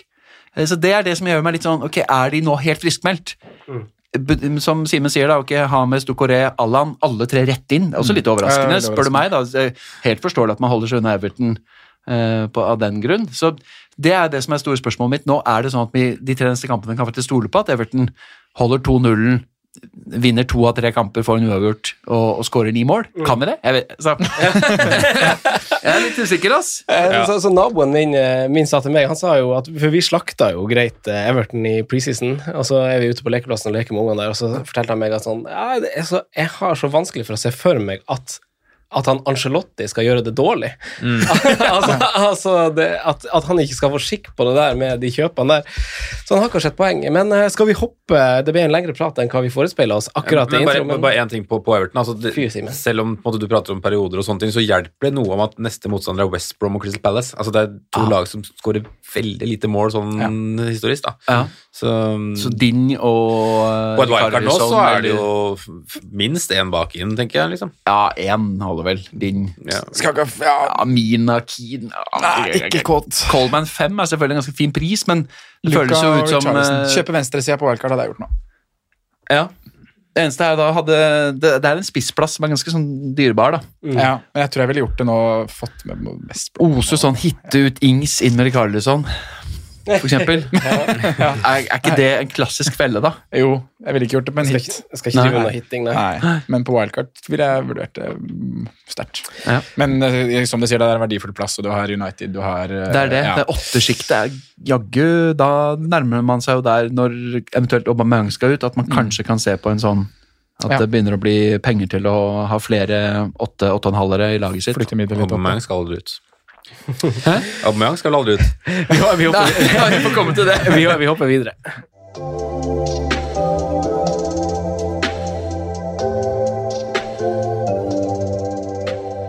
Eh, det ble en litt lengre prat, prat, enn hva vi kanskje så for oss. Det ble en sånn eh, ordformat av Match of the Day, føler jeg. Men på lørdag så var flere av oss opp som en bjørn, og på søndag var vi ned igjen som en skinnfell. Eh, det er mange spørsmålstegn som har eh, reist seg etter eh, en halvveis, litt over halvveis ferdigspilt førsterunde. Eh, og det var færre overraskelser enn hva jeg kanskje frykta i elvera. Jonas var inne på det innledningsvis her, at det var Saliba. Men Fantasystu stiller spørsmål om nettopp William, Jonas. Eh, og vi har kanskje dekket det sånn ish, men eh, hvis vi legger den litt død, eh, må han ut? Altså, jeg altså, Nei, du eier han ikke. Nei. Jeg og Sondre eier han. Ja. Vi eier. Men hva tenker du, Jonas? Må han, eh, må han ut? Eh, altså, du har jo et ganske fint forsvar uansett, du, da. Sondre. Jeg må spille dobbel Spurs uh, borte mot Saints, da. Ja, Det hadde du ikke tenkt til? Nei. Nei du hadde tenkt å spille én av de? Mm. Ja, okay. Spille Saliba hjemme mot Ja, eh, fordi både du og Simen har vel egentlig fire forsvarsspillere fra fem og oppover. Um, Ja. Så jeg vil jo tro de fleste har en rotasjon hvor de hadde tenkt å ha Saliba inne nå. Det Mm. kommer litt an på hva som er alternativet ditt. da. Ja. Det er dødskjedelig bytte å gjøre. da. Det er jo en runde vi- 4-5-forsvarer til en annen 4-5-forsvarer, Ja, for det er jo det man vil unngå. Så er, jeg kan skjønne at det er en hodebry. Og så er det en runde hvor vi har Jeg, jeg har jo slitt litt med å stable forsvar til denne runden her. Måte. Ja. det, så på Det det, kommer litt an på rotasjonskonstellasjonen man gjør, Ja. eh, om man sliter i runde to eller runde tre. Man Mm. sliter i hvert fall én av de, stort Ja. sett. Eh, For det er veldig mange billigforsvarere som har litt tøffe Ja. Samtidig jeg står med Justin hjemme mot Burnley, Lewis hjemme mot Brighton, og så har jeg Docherty og Trent, så jeg er veldig happy med en 4-4-2 nå. Ja. Men uh, Saliba kommer antageligvis til å få null minutter også mot Westham. Han gjør jo det. Ja, det tipper jeg. Så... hvis, hvis alternativet er å spille han godeste Mitchell. Mitchell da. Mm, mot United. Mm. Ja, den er kjip. Den Den er er nok kjip, en ja. del som sitter i. Ja, jeg gjør det. Ja. Jeg tenker- Eh, men spill Saliba, drøm om uh, en Henger drøm. Eller så blir det smallbone som kommer inn der. Ja, det er nesten heller smallbone enn Mitchell, da vel? Ja, det tenker jeg. Ja, det Hvis han kanskje eh, ikke da er ute av elver igjen, Det er da. akkurat det jeg frykter litt at Genepo kanskje Ja. starter. Her har du rota deg inn i noen problemer. Ja, Mitchell og Saliba og smallbone. Nei og nei. Å, faen meg. Jeg, jeg, jeg, jeg kan jo spille Harrison Reed, det kan jeg jo. Men uh, vi har. Det kan du gjøre. Men vi har, ja. men det vi er to har da. jo Det er to poenger. Ja, vi har, vi har jo fått noen svar uh, på, på noen 4,5-forsvarere, gutta. Eh, Hvis vi skal erstatte Saliba, da, eller, følge, eller ha innpå en 4-5-forsvarer, si, men hvordan eh, vil du gjøre denne rangeringa etter å ha sett ganske mange i aksjon? Um, jeg ville jo sånn på toppen av hodet holdt jeg på det, tenkt at kanskje Jamal Lewis er en ganske fin eh, inngang. Altså Han har, i tillegg til å spille på Newcastle, som først og fremst er det, som er verdien her, og de har jo en del clean shit i løpet av en sesong, mm. så hadde han et par fine innleggsforsøk. Eh, og når de, hvis de skal starte med Carroll og, og Wilson, så vil det jo være det som på en måte kanskje skaper farlighetene for, for Newcastle. Da. Så, um, akkurat på stående fot så tror jeg kanskje jeg ville sagt uh, Jamal Lewis, og så er det Men det er jo litt sånn variasjon i, i kamper her, da. Men to veldig fine de neste hjemmekampene, um, hvor det er fin mulighet for for, for clean sheet. Så skal det sies at motsatt back nesten var like imponerende akkurat den kampen nå, da, i Mankio. Men eh, jeg tror nok Louis outscorer Mankio ganske greit over en sesong, da. Eh, det tror jeg. Men det, det, det tror jeg faktisk er første jeg ville, ville tenkt. Um, Det høres bra ut. Mm. Kan jeg like. Ja, Han har jeg. ja jeg så, jeg så da hadde han inne. uh, og han over Lascelles, da, men det blir jo litt sånn Men det kommer litt an på hvilke kamper du trenger spillere. da. Det er noe med det. Trenger du um, Umiddelbart så har jo Leicester også veldig flotte kamper med Burnley, Westham, Villa hjemme i 2-4-5. Vi tror Justin holder plassen, tross alt, selv om Men vi Eh. tror også at Leicester kan slite med å holde nullen mot bedre lag enn West Bromwich. Ja, men tre, finere hjemmekamper enn de tre neste fire får du vel nesten ikke, da. Nei, for jeg har sett på han som eh, min naturlige erstatter. Hvis jeg skal erstatte Saliba. Eh, fordi eh, akkurat i den kampen hvor det er rødt for han, så kan jeg spille noen andre. Mitchell eller noe sånt, tror jeg til og med det var. Ja, runde men, tre. Ja, men de tre av de andre fire der er jo krem for, fra et defensivt perspektiv, følte jeg, fra, fra Justin, da, men eh, Ja. den er oppe til vurdering. Men hva med holding og sånn da, Jonas? Er det Nei, fordi-. Nei, kjøper, Nei, nei, nei, fy fader. Hvorfor ikke? Man får jo eh, mark av et sånt bytte. og I tillegg så er jo Arsenal eh, uspillbare i runde tre, fem og sju, i hvert fall. Du kan også argumentere for at eh, en forsvarer for Arsenal er det i runde seks hjemme mot Leicester. Holder ikke nullen der. Så da, da blir det for å spille eh, holding i runde to og fire, da. Og så kanskje det oser wildcard på et eller annet tidspunkt. Det kan hende. Men holding er sånn fyr som Ah, han hadde faktisk en sånn flott triksedribler ja, mot, Fulham, og han er jo oppe på corneret, Ja. men han er ikke en fyr som skårer mye mål. Nei, det er han ikke. Så um, litt større oppside vil jeg jo si det er i både Louis og, og Justin. da. Ja. Jeg syns det er et godt tegn for Justin at han gjør en svak førsteomgang, får gult kort. Blir ikke huket selv med to venstrebacker på benken. Fuchs og Thomas kunne spilt. Det er jo et signal, det. Jeg synes sånn, det er ganske bra. Så er det også et signal at Leicester har kjøpt back. Mm. Så og opplagt vært på jakt etter en eh, erstatter for Chilwell. Så eh, det er kanskje ikke verdens mest bærekraftige løsning over tid, men eh, Som du sier da, de neste tre-fire matchene der. Ja, det er det. Ja. Men jeg tror kanskje, jeg vet ikke, Louis eller han, den syns jeg er ganske coinflip, ass. Ja, Ja, jeg var jo veldig overrasket når Louis blir vippa ned til 4-5. Jeg var ganske sikker på at det var en fem blank bekk. da. For jeg synes liksom han har, Med de enormt gode tallene som han faktisk hadde i, i fjor, selv om kanskje ikke utdelinga var så bra, så var tallene ekstremt gode. Uh, og det var vel om knapt bekker som hadde bedre tall eh, på, på hva man produserte og sånn. Så. Men problemet er jo hva han faktisk presterte. Ett mål Ja. og null assist. Men det har jo sammenheng med at Norwich skårte faktisk fryktelig lite til slutt. da. Jeg vet det, men, men det er det FPL bryr seg mest om, tror jeg. Hva Ja. er det folk ser på? Ser på historikken til tallene eller underliggende stats, sånn som vi holder på med? Det er det jo ikke så mange som gjør. Så jeg, jeg syns 4,5 er helt greit med tanke på at Lascelles er 4,5, men Kilo er 4,5. Det er, ja, jeg syns jo det, da. Aarons hadde bedre underliggende tall enn Louis i fjor. Ja, Atletic drar det på fram på en litt annen, Ja. litt annen måte, da. Men Ja, eh, jeg sitter og ser på Scout nå. Nå er vi på Norwich Becker Men, men, Ja, men, men, men, Son- men Sondre, du er jo eier av, av, eh, av Saliba, og så så jeg også Erik Dyer. Han, eh, han fikk jo veldig kritisk retta Mourinho fikk jo veldig kritisk retta spørsmålet om han på Ja. pressekonferansen, at han var dårlig i dag. Ja, svarte, Hva svarte José da? Eh, han sa at eh, nei, han har stått for langt unna situasjonene til å til, han I må did se- not må- må Han er jo gullgutten. Ja, han er det han er. Ja, han er jo det. Det er jo det. Men uh, hva tenker du om Saliba og, og forsvarssituasjonen? Nei, jeg har jo, som nevnt her, jeg kan jo bare dytte en uh, Dyer Davies inn da, og spille to Tottenham og Trent og Shaw, så benke Saliba en runde. eh, og bare utsette problemet, på en måte. Men eh, Så salg er vel Jeg tror ikke det blir aktuelt, egentlig. Eh, hvis jeg hadde sett til en annen 4-5-forsvarer, så ville det jo vært, som nevnte, Justin Louis. Tror jeg også Villa kan være melde seg på i 4-5-forsvarer. Du har meldt det litt gjennom hele sommeren, du, Ja. Sondre. Og nå i hvert fall hvis de får inn uh, Martinez i, i kassa der, så tror jeg det kan bli veldig bra. Så um, target. Ørjan Nyland. Bye, bye, Ørjan. Men der også er det jo to veldig tøffe kamper etter de har uh, spilt mot Sheffield og, og mot Fulham. da. Men de to kampene er de spillbare i begge. Jeg tror de holder null mot Sheffield United. Så um, Target ja. Veldig spent på å få fra dem i dag. Skal se to kamper i Ja, kveld. Det blir gøy. Å, det blir gøy! Fin mandag. Jeg har avlyst en date, jeg, for jeg, jeg så jeg skulle til søstera mi og hørte med henne flytting. For det er sånn Jeg skal se Sheffield United Wolverhampton. Hæ, hva sa du? Det går ikke. Det er fint om hun er veldig fotballinteressert og hører på podden her nå. Eh, Hun har faktisk uh, fantasy-lag, men jeg er litt usikker på om hun hører på denne poden. hvis du hører dette, eh, så Jeg skal faktisk til søstera mi først. men jeg hadde, jeg hadde nok rukket kanskje Ja, det blir, ja vi får se. Legg en nei, nå legger vi årene tilbake, og så, og så, hopper, vi, og så hopper vi til Simen. Eh, Det har vært en berg-og-dal-bane egentlig å følge, følge Liverpool.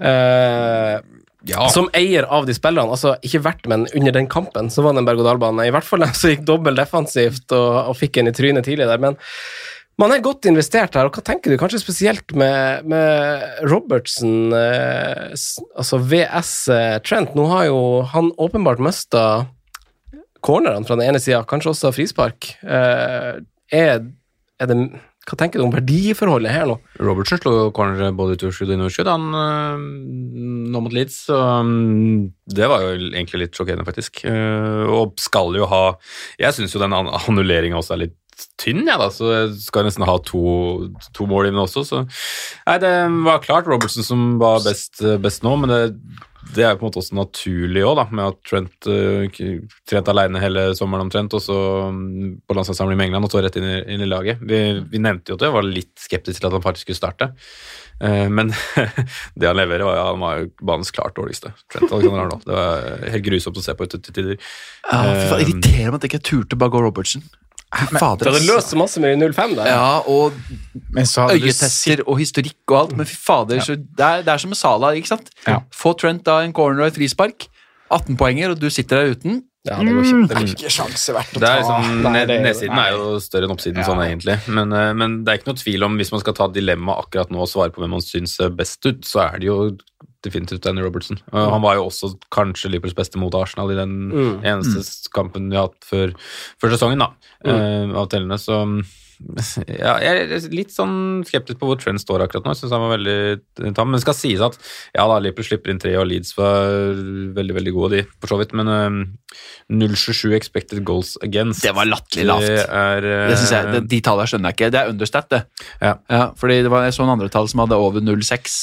Ja. Og det, det, det gjør meg litt sånn på- utrygg på, på de expected goals-greiene. Altså, når det er så forskjellig, så stor varians. Ja, jeg leste en artikkel fra en som heter Six Minutes, som har starta en slags Sleeper-blogg. Eh, veldig fin uh, Twitter-konto også, for så vidt, så de som kan følge. Eh, han har skrevet en artikkel om noe som heter MSC, som er på en måte mer subjektiv, kvalitativ analyse av kampen. da. Og da er det 5-1 som er riktig resultat. da, Og det syns jeg også gjenspeiler mer av kampen, i hvert fall med tanke på hvor lett Liverpool glir igjennom. Jeg syns Leeds nesten er mer nonchalante enn det Norwich var i fjor.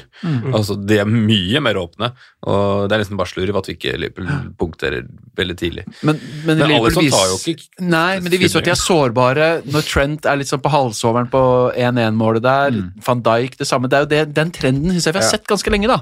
Den er ambisiøs, den uh, varianten å stå så høyt og ha Gomez Van Dijk til å rydde opp i alt. Og når de da ikke klarer å demme opp når, når bekkene eh, også slurver, så det er ikke så rart det blir litt baklengs. Altså. Blir de kan ikke stå sånn mot Chelsea da, på Stamford Bridge, men jeg syns jo Ja. jeg har ikke noe trua på at de holder nullen der. Det er, Nei, det er snart ti år siden Chelsea ikke skåra hjemme mot Liverpool eh, i en hjemmekamp. Så eh, det var litt av grunnen til at jeg endte opp med bare én bak. da. For jeg tror faktisk også Arsenal kan skåre på Anfield i neste runde. Jeg tenkte maks én clean sheet, topp første tre. Det er ikke verdi, selv om eh, målpoenget jo kom på Robertson likevel. da. Ja. Men, Men det er ikke, kanskje ikke verdi når du skal ha to stykk, nei, for da blir Nei, det jo 14,5 eh, som, som går ut der, da. Uh, men de har jo også sin beste periode, da, når de står så høyt, altså står helt høyt, og da, da er på en måte da bør de egentlig skape to og tre enda større sjanser og nesten drepe det litt, uh, syns jeg. Men uh, blir liksom overraska litt over egentlig laguttaket også, med at han benker Fabinho i den kampen her, som egentlig hadde, tror hadde rydda bort mye bedre. Henderson har jo ikke vært med og trent, han går rett inn. Altså det er ja, er og at sånn- både Keita og Wijnaldum da eh, spilte ved siden av. Ja. Jeg tenkte kanskje tenkt Henderson hvis han inn, så i hvert fall Fabinho i Ja. den dype. Eh, Litt Jeg synes det var veldig litt sånn, sånn rart, men um, det får være Keita Keita var for så grei i starten, men han ble egentlig mer og mer borte i løpet av matchen, syns jeg. Uh, Leeds tok ut van Dijk til tider, og det var for så vidt smart, det, men, men uh, ja.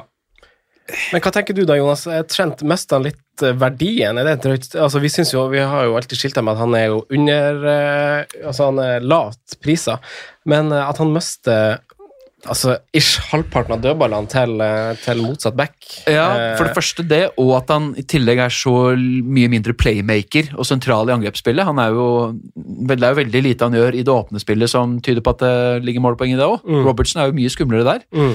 Så jeg syns den er litt uggen. ass. Hvis du er tøff, så kjører du Robertson nå, en stund i hvert fall, til kanskje dette snur litt. Um, Til programmet snur, så du kan doble litt. ja, det også, for det første, kanskje, ja. Eh, fordi på et eller annet tidspunkt så kommer jo verdien i dobbel bak. Eh, Men eh, det er den der ugne følelsen av eh, at det smeller. Jeg så en del Sala-eiere, eller de som ikke eide han engang, som han hadde så lav expected goals og kun ett skudd utenom straffen og sånn. Ja, men de som tar straffer, de tar straffer, da. Det er grunnen til at eh, de har ekstra verdi. Sala versus Mané i en sånn kamp, det er de poenga. Samme med Vardy. Ja, han hadde ingen skudd i åpent spill, men han fikk to straffer. Det hender av og til. Um, og, um, så det er, um, det er litt tøft. Sitter man der nå, så gjør man jo det. Jeg vet ikke, Hvis du skulle tatt wildcard, som du lefla litt om, så Ja, det var wildcard-variant i går, og da var det kun Robertson med. Ja, det var det, ja. Ja.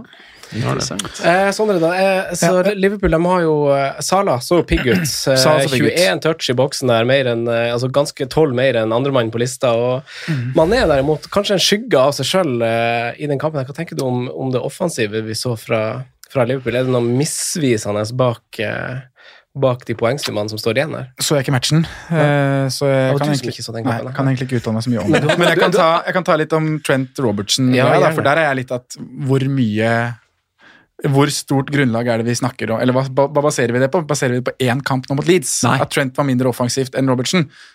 Nei, da skal du ikke tenke i de baner, tenker jeg, da. Mm. Jeg tenker Da heller at da står du heller med Trent til den dagen du eventuelt skal doble, og så dytter du inn Robertson, for da er fallhøyden mye, mye mindre.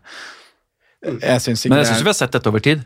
At Trent har vært mindre offensiv enn hele sommeren Eh, og sånn. Hele postkorona så er eh, Robertson klart bedre enn en Trent. Trent. Og- enorme tall.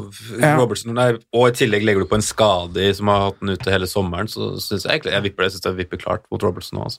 Hadde det ikke vært for historikken, så hadde jo alt vært sånn Klink Robertson We Can her, Ja. av de to, faktisk. Ja, det, det var bare størrelsen altså. på ballene mine som ikke nådde, nådde, nådde opp. Nei, jeg tenker da, da kjører du heller begge, altså, Hen og droppe, droppe Ja, det akkurat selv, selv på grunn av var programmet det- er humpete. Det var det jeg gjorde når jeg starta, Ja. for jeg var fast bestemt på Har ha Robertson. Ja.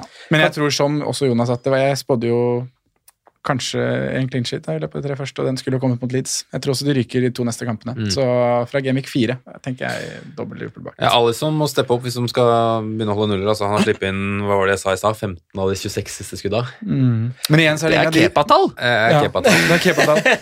Men igjen så er det ingen av de goalene nå han burde Han bør redde. ta Harrisons skudd, syns jeg. altså. Eh, men det, Kunne det. Kunne tatt det, men det er ikke noe sånn er- det legger vi på er keeperen. Det legger vi heller på mye som skjer på Trent og på er der, som lar han dra seg inn. Så er det spørsmål når man leser Ja. van Dijk-situasjonen, om man skal ut i det hele tatt. For hvis han ikke går ut, så er det vel ikke en så stor sjanse. Nei, det er noe med det, for det snakker vi om hva er kommunikasjonen her. Sier han noe i det hele tatt? men Simen, hva gjør man med Mané? Hvis man eier Jeg han? syns Mané egentlig var ganske bra, jeg. Syns du det? Ja. Jeg må si det. Jeg syns Han var ikke så eh, masse foran Kessa. Eh, Men eh, jeg sa jo på en måte det også når vi skisserte litt planer og sånn, at hvis man går Mané, så tenker jeg at han er placeholder. Du spiller en runde én, håper du får med deg litt mot Leeds, og så går du eh, f.eks. til Kevin, Kevin De Bruyne eller Raheem Sterling. Da. Mm. Eh, så, så jeg syns kanskje Eller United, Bruno. Ja, altså det er på en måte Mané-planen, følte jeg, da. Eh, Jeg så jo noen varianter med Mané over Salah og litt kapteinspinn og sånn også, så mm, Ja, men, men det der med å ha Mané som placeholder, var det noen som mente det seriøst ved siden av Salah og Aubameyang? Og stable alle de tre? Da er det ikke mye igjen, ass. Nei. Jeg Fordi har en jeg hørte eh, god kompis som gjorde det. Landa på 84 poeng, han. Ja, Mm. Men eh, Mané bidro ikke som så mange av dem. Nei, Men nå har leverer- allerede tatt ut Mané for Kevin De Bruyne nå. Nå leverte jo mange av de billige forsvarerne, som, fordi, sånn vi har sagt, én runde er for liten, altså for lite grunnlag, da. Altså Louis Mitchell, altså disse leverer jo ikke seks poeng i snitt, ni poeng i snitt, altså så ja, han overlevde nå, men Ja. det kan hende være greit at nå bare rydde tilbake. Ja. Eh, Jonas, en lag man er godt investert i, f.eks. Saints og Spurs, som vi har skrevet på agendaen her. eh, Hvordan, eh, hvordan står vi eh, her, hvis vi tar Saints først? Hva tenker du som den Ings-eier? Jeg tenker at uh, jeg holder meg til planen, og sannsynligvis uh, blir stående med laget mitt. Uh, jeg stoler på Southampton i hvert fall en runde til. Mm. Får sett mange flere kamper, og i det hele tatt, og det gjør at man da kan ta to eller tre bytt til runde tre. Eh, etter planen, med City inn, med, med United, med Chelsea. Hvordan, hvordan ser det alt ut? Eh, så 15 riktignok fryktelig hjemme i fjor, da, og vært det året før, osv. Så, videre. så det gjør også at jeg er litt mer optimistisk på vegne av Docherty, Son, Ali, for de som har den gjengen. Eh, men jeg syns jo det er litt uggent, jeg gjør jo det. Og jeg har ikke en følelse av at McCarthy, Docherty, Ali, Ings er liksom en drømmesette på meg i, i, på laget i den kampen der. Altså, det er ikke optimalt, men dette visste jeg jo da jeg gikk eh, den kvartetten. Så jeg, jeg, Det mest ugne her i den kampen for min del er egentlig at uh, Ali Jeg er ikke helt sikker på at han starter. Ja, ikke sant. Så det må jeg prøve å finne ut av. I så fall blir det et bytte. Ja. kanskje til Peres Nei, til uh, Barents i Leicester. Men for de som vurderer å gjøre noe med Southampton, så kan jeg forstå det. Eh, klarer man Ings til Martial uten hit, kanskje? Mm. Eller Ings til ja, hente penger med en gang og gå Wheels. Altså, tenke litt sånn framover, så kan man gjøre varianter. Jeg, jeg hadde jo ikke Ings inne før sist, altså, det hele tatt fra åpningen av spillet og inntil siste uka. Det var da han begynte å nærme seg litt. For jeg, jeg syns Palace-forsvaret så så utrolig morkent ut, og jeg tenkte hm, med, Og eierandelen også ganske stygg. Eh, Så eh, det er ikke noe god følelse, men jeg syns det er altfor tidlig å svartmale. Det er ikke første gang noen har slitt på Sellers Park når eh, Voi stabler en syltrang eh, eh, dobbel firer og ja. Så jeg er ikke veldig bekymra, men eh, jeg er ikke overoptimistisk heller. Og du ser litt konturer også av at det er, det er spissa som skal fôres med legg. Altså. Ja. Jeg- de syns de har fine bevegelser og god timing på de variantene der. Ja, altså. Ja, og Hadde ikke Guaita vært kjempegod på lørdag, så hadde dette narrativet vært helt annerledes. Så jeg, jeg er ikke grisebekymra. Altså. Nei, der kunne jeg fort begge Begge spisser kunne hatt en hver. Ja. Ja. Jeg hadde faktisk et par draft med begge to inne. Ja, Mm. Hadde, Men det føltes bare litt Ja, det ble ut. det det. Men uh, Sondre, vi også er jo veldig godt investert her. Det er jo en posisjon som ikke er ideell, for da er jo taket for runden selvfølgelig veldig lavt. Mm. Uh, I hvert fall an, angivelig. Angivelig, Eh, hva tenker du? Uh, Southampton er liksom én ting, men uh, hvis du vrir det litt om på Spurs Mm. Nei, Southampton deler jeg Jonas sitt syn på. Der kommer jeg bare til å Og jeg visste jo også, som han, at jeg kom til å ha mange involvert. Uh, Fire var utgangspunktet. Nå blir det jo fort fem, da. Fem av elleve mann altså i den matchen. Det er, det er vondt. Ja, det er kraftig. Eh, Ja, det blir tungt. Men Ing skal i hvert fall få lov å være med, og ja. Det, det er egentlig Ali som er mitt eh, spørsmålstegn. Mm. Jeg kommer til å kjøre med den samme Kommer til å ha med både Davids og Dyer til et eventuelt wildcard. Og så var jo planen å spille én av de nå, da, som jeg syns er helt greit. Men uh, Dele Ali, der må jeg vurdere litt. Mm. Vi snakka bra om han i stad, syns jeg Ja, vi gjorde egentlig. vi gjorde så. De så mye bedre ut med han på banen, selv om han var litt lazy. lazy. bytte ut han disse gutta til en, da, en Everton eller eh, Leicester-spiller som har gjort en OK kamp nå, Mm. kan også føles veldig overilt hvis de da gjør en dårlig hjemmekamp igjen, eh, disse, og så kommer Chelsea, så kommer United, så kommer Det Det er, sett noe, det er tenkt, så verdifullt å ha det byttet der. Ja, jeg har tenkt litt på Hvis jeg sikter meg på wildcard tre eller fire, så har jeg liksom, kunne jeg pønta og tatt en Ali til Mason Greenwood, da, hvis ikke de Ja, med Sancho. han sitter jo og Driver og rører mye, det er ikke bare damer, Det er lystgass ja, og, og og firkanter, liksom. Så Ja. jeg tenker jo en sånn enrundespunt, så er jo William litt artig, da. Ja, For en, hvis du vet du skal da valgkart runde tre, Ja, så det kan det jo, være noe. det er jo en strategi man, eh, som vi har forkynt litt i Mm. podkasten. At hvis Altså, man kjører kanskje ikke wildcard i affekt, da, men Nei. at du kjører de gjerne runden etter, og så bruker du det byttet, ganske verdifulle byttet til å optimalisere runden før wildcard til å gjøre et punt på den spilleren du kanskje tror leverer best den Mm. runden. Så du tror du at du kan være i en sånn situasjon? For vi har jo faktisk bare sett altså som sagt, seks kamper, det er fire lag som ikke spiller Mm, denne runden. Vi har fortsatt et åpent transfer-vindu, ting kan skje. Eh, men Ja, kan, du, er, altså, kan du finne på å gjøre et bytte nå som, som gjør at du er litt mer åpen for et wildcard neste runde? ja, det må jeg si at det er. Mm. Og det er jo fordi at det vi, lille vi har sett, da, selv om vi bare har sett kamper, så har vi sett ting som ikke ser så veldig bra ut. For mitt lag, da, med tanke på eierandel i Spurs, Mm. Southampton. Så Så hvis liksom- den trenden fortsetter, så ja. Så er det så mange spillere på, en måte, på de lagene som så skikkelig bedritne ut. da. Ja. Så, Det var tynn suppe. Og så har vi Chelsea, skal se på Chelsea i kveld. Der Ja. kan uh, noen melde seg av, noen kan melde seg på. Uh, de har Liverpool i neste. Ja. Mm. jeg er skikkelig spent på egentlig på Wolverhampton også, ja. uh, som vi prata om også litt, Jonas, at de var i har vel hatt halvannen uke med, med preseason. Eh, samtidig så er det noen av Wolverhampton-gutta som har vært helt on fire i landslagspausa, blant annet Diogo Jota. Eh, så se om de ser ut som seg sjøl, eller om det, det er en, et lag som akkurat har, har begynt å trene igjen. Men eh, Simen, hva tenker du? Altså, jeg føler jo, jeg er jo soneeier, eh, og jeg føler jo at én runde er for lite data. Det er en spiller som har vært ganske god i sommer. Eh, jeg syns han igjen hadde den posisjonen som han har hatt litt under Mourinho, ganske brei. Mm.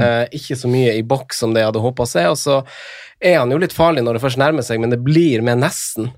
Eh, men jeg føler at det er noen Det er liksom det sunn fornuft-aspektet må spille inn noen gang. At jeg napper ikke han ut etter én kamp, føler jeg. Det blir dust. Men hva tenker du om at disse lagene møtes? Man er så populær. Er det noe vi benker i, de, i den kampen? Nei, altså, jeg har ikke noe å benke for. Jeg kan, kan ikke begynne å bytte ut uh, Spurs for å sette inn på Mitchell til den neste. Det blir for, for dølt. Men eh, ja, jeg, altså, jeg, jeg endte jo uten sånn, da, for så vidt. Men jeg, jeg er ikke så veldig fornøyd med at jeg går opp 1,5 million for å få en Kane, da. Nei. Så um, sitter jo på en måte med samme dritten sånn sett, da. Uh, nei, altså, jeg er enig i at et grunnlag er for tynt, og samtidig så kan jo for, det fort hende at Southampton borte passer litt bedre enn uh, det de gjør med hjemme, faktisk. Um, så det kan fort hende at man blir straffa hvis man skulle være trigger-happy også, og så skippe litt ut, da. Men det er jo det som man sitter med fort fire-fem mann. Ja, hva er taket i den kampen, liksom? Ja. Det er ikke sikkert begge lag scorer, da. Man kan jo bli sittende med Walker Peters og McCarthy i nullen hvis man har de. Eh, man kan også få med seg et hat trick av uh, Son eller Kane. Altså, Jeg føler at det er en sånn kamp hvor begge lag må, må 1-1. To lag som må slå Ja. tilbake, ja, egentlig etter en i gåseøynene litt skuffende start. Eh, tipper jo begge lag kommer til å skåre mål, faktisk. Og det er jo fint for Tottenham kunne ligge litt dypt, kontre på de eh, spillpunktene de har framme i banen Mm. mot Southampton, som sliter litt med å bryte ned da, og har ingen selvtillit på hjemmebane, Mm. tross alt. Så Lukter Lucas Mora. ja, det, kanskje, kanskje den beste spilleren faktisk for Tottenham eh, i helga. Eh, men lag å se fram mot. Eh, vi prøver jo å se etter erstattere noen plasser der det brenner. Hvis man skal gjøre et bytte nå, så, så kommer jo United og City melder seg på nå. Eh, først og fremst i tillegg til, til Villa og Burnley, da. Men Everton har jo en god førsterunde. Leicester, Newcastle. Eh, det er jo også lag som egentlig har ganske fine program, Sondre. Så hvis vi, hvis vi starter litt og snakker litt ledd for ledd i i sum av de her lagene, hva, hva, hva tenker du? Er det noen eh, er det noen som kan være aktuell for deg, og, og hvorfor? Ja, det er det I jo. bakre ledd, da, f.eks.? for eksempel. Bakre ledd. Eh, bakover er det vel egentlig ikke så mye. Jeg har jo gått med Luke Shaw da, fra start. Skulle gjerne hatt Bisakka der, men der var det jo litt sånn Skulle gå Ja, jeg valgte heller å ta med Dyer og gå han istedenfor Mitchell, for å satse på at Tottenham kunne stenge litt uh, innledningsvis her. og Da, da ble det Shaw istedenfor uh, Bisakka. Men uh, Defensive United det syns jeg på en måte er en uh, fin vei å kikke. altså Palace, Brighton, Tottenham, Newcastle i de fire neste. Det er fine kamper.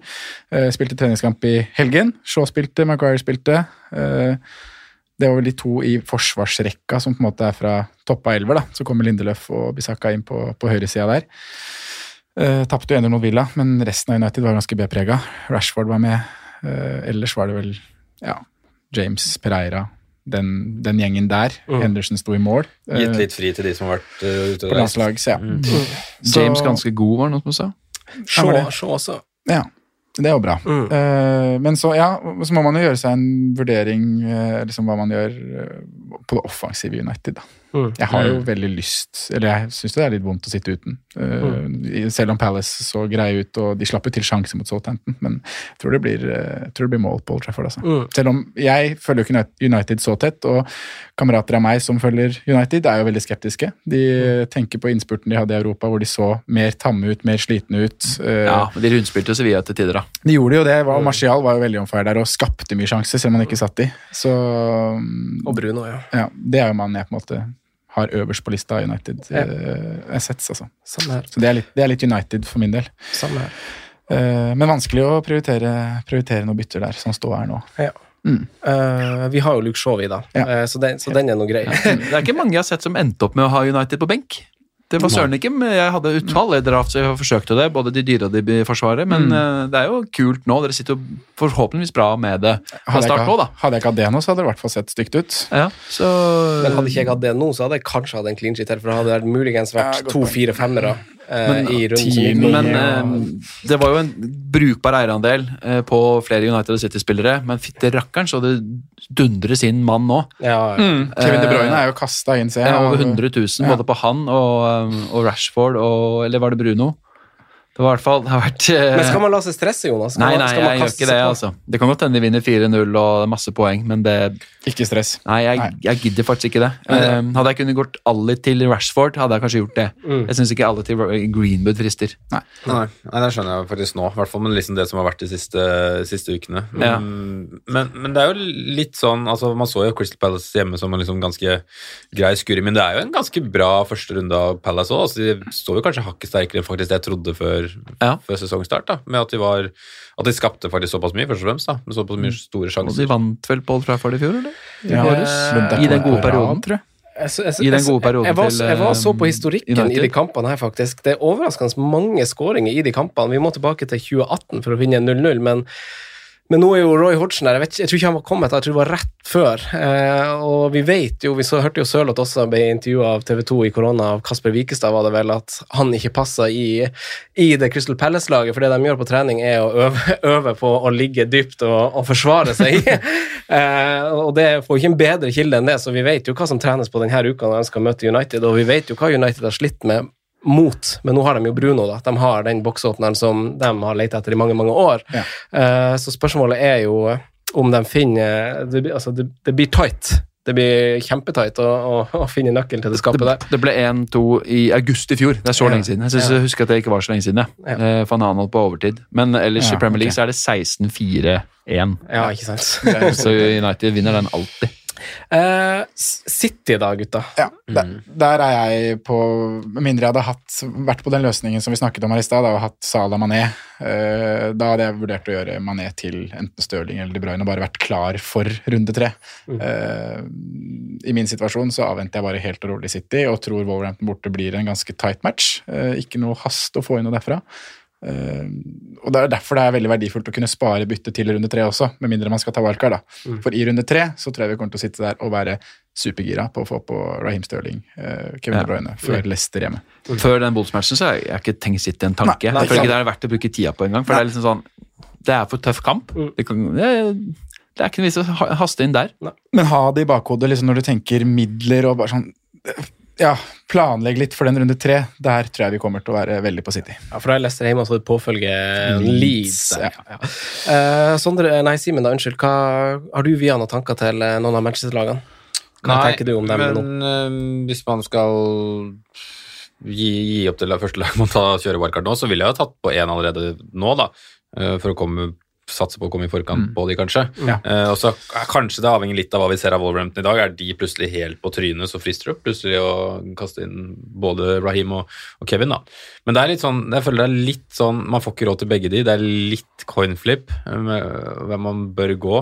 Det trygge er jo selvsagt å gå Kevin, men man vil jo alltid ha Uh, Kanskje ha det store kapteinsemnet Mest også, da. eksplosive der i Stirling. Det er, sånn, det er det alltid denne diskusjonen der gidder jeg ikke å begynne på en gang. Men øhm, Nei, jeg, jeg er litt som, jeg er egentlig enig med det Sondre og, og Jonas sier, jeg, da. Men øhm, Hva gjelder de to, så var vel De Brøne det klart tryggeste hjemmevalget, men Stirling hadde jo minst like store big holes borte. Og Stirling Eh, spilte ikke de her store Yes, 8-0, 6-0, ja, ja. Det var Det ikke stemmer det. Stirling 20 mål i fjor, altså, i en sesong man nesten følte var Jeg, jeg, jeg satt en periode og tenkte at dette var en svak sesong for på 2600 minutter. Jeg satte en liten femmerlapp på han som toppskårer i året. Og han satt på 12 i odds. Gjorde du det, ja? Mm. Oh, det er Tenker jo det, hvis han får spille mer, så Ja. Men klart, dette med preseason Mourinho legger veldig mye skyld på preseason-mangel. Mm. Andre lag har hatt akkurat like dårlig preseason og har henta spillere siste uka som går rett inn. Mm. Det, er, det er ikke så lett å vite. Bruno Fernandes og gjengen melder seg til preseason i dag, egentlig, for United. De også hadde vel ferie fram til uh, Mm. Ja, for de var ikke landslagene. med mot Villa. Nei, jeg tror det. Var ikke det? Så hvordan dette slår ut, er helt umulig å si. Ja. Ja. Det er helt umulig å si. Men uh, vi forblir i den delen av landet, da, Jonas. Og så snakka vi jo Vi snakka varmt om Everton òg, men de møter jo nå West Bromwich. Som så veldig svak ut. Eh, Flest store sjanser mot seg i runden som gikk nå. Nest flest skudd mot seg i boks. Det ser ikke veldig pent ut i eh, Premier League-redebyen mot et skadeskutt Leicester i tillegg. Eh, Et godt tidspunkt for Everton kanskje å møte dem på, på, Ja, på, på Goodison. Og du snakka opp Digne som er på, på dødballer. Det er jo smøren og programmet er så deilig. Ja. Utfordringen er liksom hvordan få inn han. Ja, men hva, da hva tenker du? minus Altså, fire, liksom. Ja, men, ja, Digne er en ting, men Everton, da? Er det, er det et lag man hopper på nå eh, for å satse på at det er en sånn, sånn bølge som du nevnte, nevnte tidligere, eller er det fortsatt noe man ser an pga. mange nye fjes? Eh, Det har vært et, det har vært et forsøk hvis du eh, ble forelska av det du så mot Tottenham, men det er langt fra noen garanti. Ja. Så med tanke på at programmet er så fint i neste tre, både defensivt og offensivt perspektiv, så syns jeg jo egentlig det er det. Mm. Problemet er bare Hvor mye man eh, faktisk stoler på det. Ja, hvor mye kan man legge i det? Eh, Rodriguez skaper jo en haug av sjanser. Eh, Fem chances created, mest av alle. Og i tillegg et par skuddforsøk sjøl. Ja, så helt sånn den 16. uforskamma pigggutt. Er- Hvor kom det fra, liksom? Jeg hadde aldri trodd. Men samtidig så er- Altså. Altså, Reportasjen til TV 2 der i forkant av den kampen hvor de viser bilder fra VM i 2014. Og det er liksom det som er Rodriges uh, det, det kom jo liksom det kom en, Hvor god han faktisk var der, var liksom et sjokk òg, da. Ja, For det var jo, absolutt. Men, men det er også litt sånn skeptisk til at han har utgangsposisjon helt ut til høyre i en sånn eh, litt stram 4-5-1 også. Mm. altså Hadde du hatt Han var ikke der så mye. Nei da, men liksom det er utgangsposisjonen uansett. da Jeg tror, det blitt mye, jeg tror ikke det blir så mye poeng som man kanskje hvor, Eller i forhold til hvor bra han kanskje så ut, da. Nei, jeg tror det er spissene som faktisk gjelder der, sånn Ja. poengmessig. Jeg syns ikke han var så Ja, masse er ikke- i og rundt boks. på Sju og en halv er et sånt interessant ja, sjikte, da. ja, det Ja, er helt det er det enig. det Det er, ikke så mange der. Er Barnes er over da til 0,5 billigere. Ja, jeg, jeg syns det. bok. Mm, enig Ja. det. Enig det. Fordi begge har tilsvarende program neste tre. Det er litt sånn mye av det coinflip enn av de to, men Barents er mye nærmere Ja. eh, Nærmere mm, innenfor alder nå for meg enn Hames er. Ja. Så Barents i Leicester og spissa i Everton Er vi der? Vi er der. Ja. Eller jeg er der. Easy-beasy. Ja. Men eh, spiser Everton, det snakka vi litt om i stad, men det er jo flere som er, det er jo 11 da, er det vel, som starter med Nei, 7 er det, som starter med Dominic Calvert-Lewin. Han òg er jo en priskategori som er veldig enkel å få inn hvis du sitter med både Ings og fire. Werner. Ings ut, Calvert Lewin, og så St. Maximæ ut og inn med Barnes. Åh, Minus fire kjører går, minus fire kjører går, og sitter fortsatt uten Chelsea, City og United. hva gjør du når Kai Havertz bare danser på rose i kveld? St. Maximæ skal få én kamp til, men det er det jeg føler litt nå. at Ja, vi må ikke stresse nå. Det er det Aubameyang ut, St. Maximæ og kanskje en spiss eller Ali ut. Da har jeg på en måte en kjempefin trippel å ta ut for minus fire til runde tre. Jeg føler liksom at jeg vil stable meg dit. Ja, ja. Um, Det høres fornuftig ut, det. det er i hvert fall Ja, planen, for da tåler jeg minus fire, føler jeg. Da får du Ja. et minivalgkart og kan gå videre derfra. Ja, den er fin. Uh, vi- jeg syns vi har dekket Leicester og Newcastle godt. Det er interessante lag, men hvis dere har noe dere vil, dere vil skyte inn med her uh, på tampen før vi går på spaltegutta, så er det tid for de akkurat nå. Sondre, Jonas, Simen. Leicester, Newcastle, Nei, nå er vi dekt. Ja, da er vi dekt. Og så hopper vi til spalten. Nevner spillere som kan være aktuelle slags populære valg. Rådets spillevalg. Jeg tror jeg skal ta den uforberedt hver gang. Jeg tror det er bedre. Kjør den nye spalten. Det har jeg gleda meg til. På perrongen! Spillere som leverte runden som gikk, og hun har vært å hoppe på. Første spiller eh, Jeg prøvde å velge litt sånn eh, blanda drops, egentlig. Fordi at det er jo noen som hører på, og så ser de kanskje bare poengsummen der. Den er ganske høy. Er det aktuelt? Nå skal du få et kontant svar fra panelet her. Ja. Sondre Ainsley Maitland Niles. Oi. Mm, nei. What the fuck? fem Nei! Hvor kom det fra? Nei. Nei. James Justin. Ja, om det er for Saliba ut. Så Ja. gidder det. Men ja. jeg sier egentlig nei, altså. Det er egentlig eneste jeg òg. Ja, jeg, Hvis du er desperat etter en, mm. en forsvarsspiller inn, som eventuelt kan enable noe annet også, hvis du kjører en minus fire. Ja, Ja. han eller Louis. jeg kjøper den. Ja, det er som du sa tidligere i episoden, Sondre. Nei, Jonas, unnskyld, sa det. Eh, tre av fire veldig gode kamper på, på rappen nå, så jeg sier ja til det. Neste er jo en favoritt av deg, Simen. Jeff Hendrick. Ja! ja, jeg er med på den, jeg. Det blir med mål og assist. Litt, av, eh, litt av en scoring. Ja, Bang, sa det. Bang sa det. og- Utskåreren St. Maxim her i åra. Det kan faen meg hende. Kan, ja, det kan faktisk det, fordi Maximia hadde tross alt åtte målpenger i fjor. Det, Det er det her da. Det er klart han, det er klart han gjør det. Han er sånn type kategori som Westwood og de her gutta som mm. aldri har på laget, men som egentlig fikk OK med poeng. Hvilken 5-0-spiller fikk mest poeng? Jeff Henriks. Selvsagt. det er nydelig da når du som Steve Bruce bare ønsker deg én spiller, og så er det Jeff Henrik du liksom velger. da. Det, Ja, jeg sier nei, det er rått. Ja, det blir nei. Uh, siste spiller, Sondre. Dominic Helvert-Lewin. Kjekke faen. Kjekke faen, det Ja, er det, han. ja, det håret der, vet du faen. Jeg, Håret får han poeng for, sånn men det, det er kroppen og ansiktet der. Ja, ja, ja, det er ja. Fin, fin, fin BMI på han. God BMI. ja, I motsetning til alle andre i Premier League. Så, Så dere det Twitter-bildet av Rolf Daniel Likstøl si i muren til Viking mot Kristiansund? Sånn som han hadde badeball under eh, drakta. Men, Altså, men, men svar, svar da, Sondre. Daniel Calvert-Lewin. Uh, jeg sier Rolf. Å, satan! Det er eliteseriespillerne. Men uh, ja, jeg sier ja, jeg. Dominic Calvert-Lewin. Jeg tror han kommer til å Hvis, det er for å, hvis du mot formodning skal ha penger i bank og sitte med Mitrovic eller noe sånt, ja, Hvis du har spart den ene villen. for å gjøre det byttet, eventuelt kjøre minus fire for å ta inn eh, han. Jeg vil Ja, ikke dumpe Kane til Dominic for å oppgradere Maxime til Havert som klikker i kveld. for det er en minus fire. Ja, mm, Minus fire! Minus fire! Er det ja til Dominic? Ja, det er, ja. under tvil. Fordi eh, jaggu eh, ville helst se han over tid, men han var jo en klasespiller i fjor. da. Mm. Den eneste gangen han har levert. Mm. Én klase har han i livet. Det er en, Simen. Hva sier du, Simen? Eh, jeg var veldig skeptisk før sesongstart, men det var liksom før Everton hadde fått på plass litt lag, og, og den det han leverte post korona. Men jeg, jeg kjøper det nå. Uh, hvis du skal snu litt på laget ditt, så er det en veldig fin rekke å bytte i, å ligge litt i forkant. da. Jeg ser også, jeg ser også ja til. Fordi etter to mål neste, så er det litt seint, vet du. Ja. Det, det, det er ja, ja, det er det. For Det er det, det, det, det, ja, det er vanskelig å sitte og snakke opp hva man skal bytte inn nå når uh, man snakker hele sommeren om at man skal spare bytte til, uh, til Gameweek 3. Uh, Sondre, jeg gir ordet til deg. Ja, Rådets spillevalg, eh, spalten hvor vi plukker ut spillere for kommende runde eller kommende periode. Forrige uke så skulle vi velge oss én mann hver fra de nyopprykkede lagene og ha med oss inn i Gameweek 1.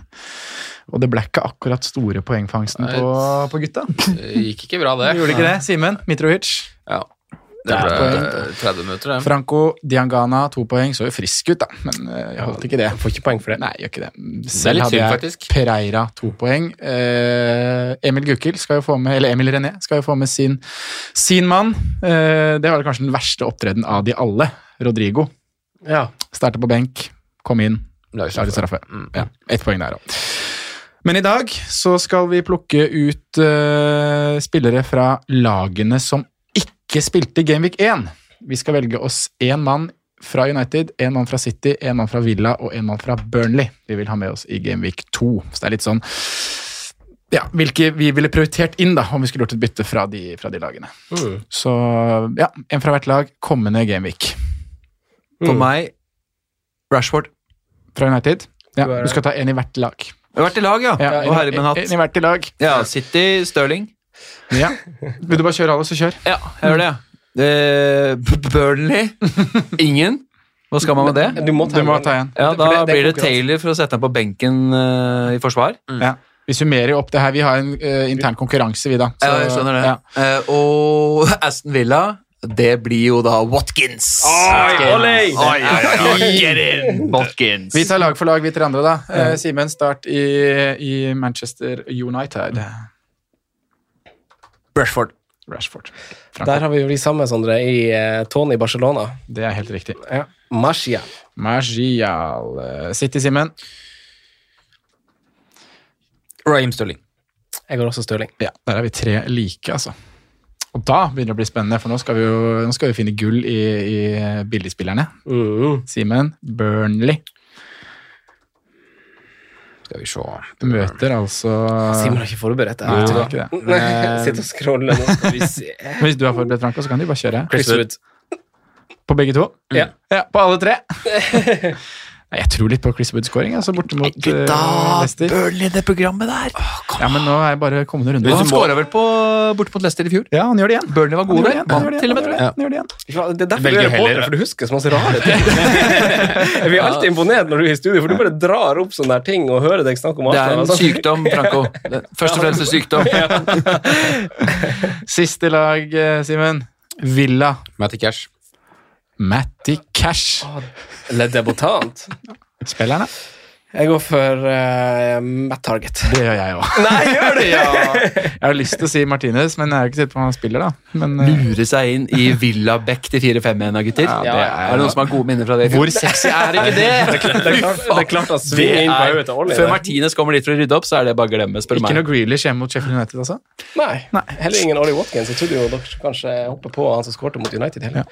Helt på slutten, jeg glemte å spørre under synsundersøkelsen Westham Newcastle. Uh, Jeg så Socek hadde OK ja. goals involvement, hadde nesten en 0-5. Men eh, jeg har han på laget mitt, og jeg aner ikke hvordan han har gjort det. Jeg har ikke sett den Han burde skåra. Han burde det! Ja, i første omgangen. Ja. Ja. Ja. Fuck me. Han er jo centimeter unna. Ja, så han, er, han er fortsatt sniken i boks. Oh, ja, for i øyeblikket så er han på benken min nå på Emirates, og det oser jo nedtur. Spiller han. Når, eh, når Arsenal som uh, slipper inn mye dårlig på dødball, skal Ja, det, det. eh, det er bare Simen og Sondre som ikke har Ja, trua på han. fordi det står mellom Jeg har trua, jeg. Hæ? Syns han er litt for dyr. Du syns han er litt for dyr? Nei, nei, nei, jeg har trua, men eh, jeg kan score mål. Ok, greit. Det er litt duggent, fordi nå, i og med at både Justin og Louis hadde fine auditioner, eh, så har jeg 4-4-2 og han på benk. Ja, ja, Og jeg kan ikke benke noen av de andre, så det der benke- blir jeg et dilemma imot Jeg ville benka Justin. Jeg har spilt benk, ja, ben, ja, fordi Wood skal score. Mm. Eller så benker jeg Ali. Oi. Ok, men Jonas, tusen takk for at du kom. Jeg satser på at du er tilbake på våren igjen eh, når vi skal ta en innspurt og snakke om chips og så videre. Det gleder vi oss til. Det var hyggelig. Simen og Sondre, Skål! Nå går monsterboksene. Nå går det. hyggelig at dere også tok turen. Takk for Takk for at jeg ble invitert. Snakkes. Ha det! Moderne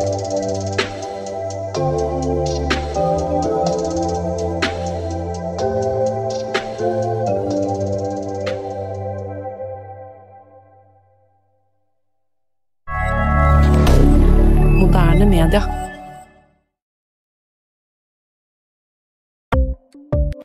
Ukens annonsør er Folio, en smartere banktjeneste for deg som har en egen bedrift eller ønsker å starte for deg selv. Folio er en superenkel nettbank for bedrifter. Som kunde i Folio får du en bedriftskonto med et bedriftskort og app. I denne appen er det smarte løsninger som forenkler regnskapet ditt, uansett om du har en liten bedrift eller et enkeltpersonsforetak. Folio er både intuitivt og brukervennlig, og er laget med et enkelt språk. I tillegg tilbyr de forutsigbare priser og ingen skjulte gebyrer. Skulle du likevel trenge det, så kan du snakke med deres raske og hyggelige kundeservice, og der får du prate med en faktisk person og ikke en chatbot. Folio er med andre ord både enklere og koseligere enn banken. Over 10 000 bedrifter har allerede valgt Folio som sin banktjeneste, så besøk folio.no og se hvordan Folio kan forenkle din hverdag også. Har du et enkeltpersonforetak eller en liten bedrift? Da er du sikkert lei av å høre meg snakke om hvor enkelt det er med kvitteringer og bilag i fiken, så vi eh, gir oss her, vi. Fordi vi liker enkelt. Fiken superenkelt regnskap.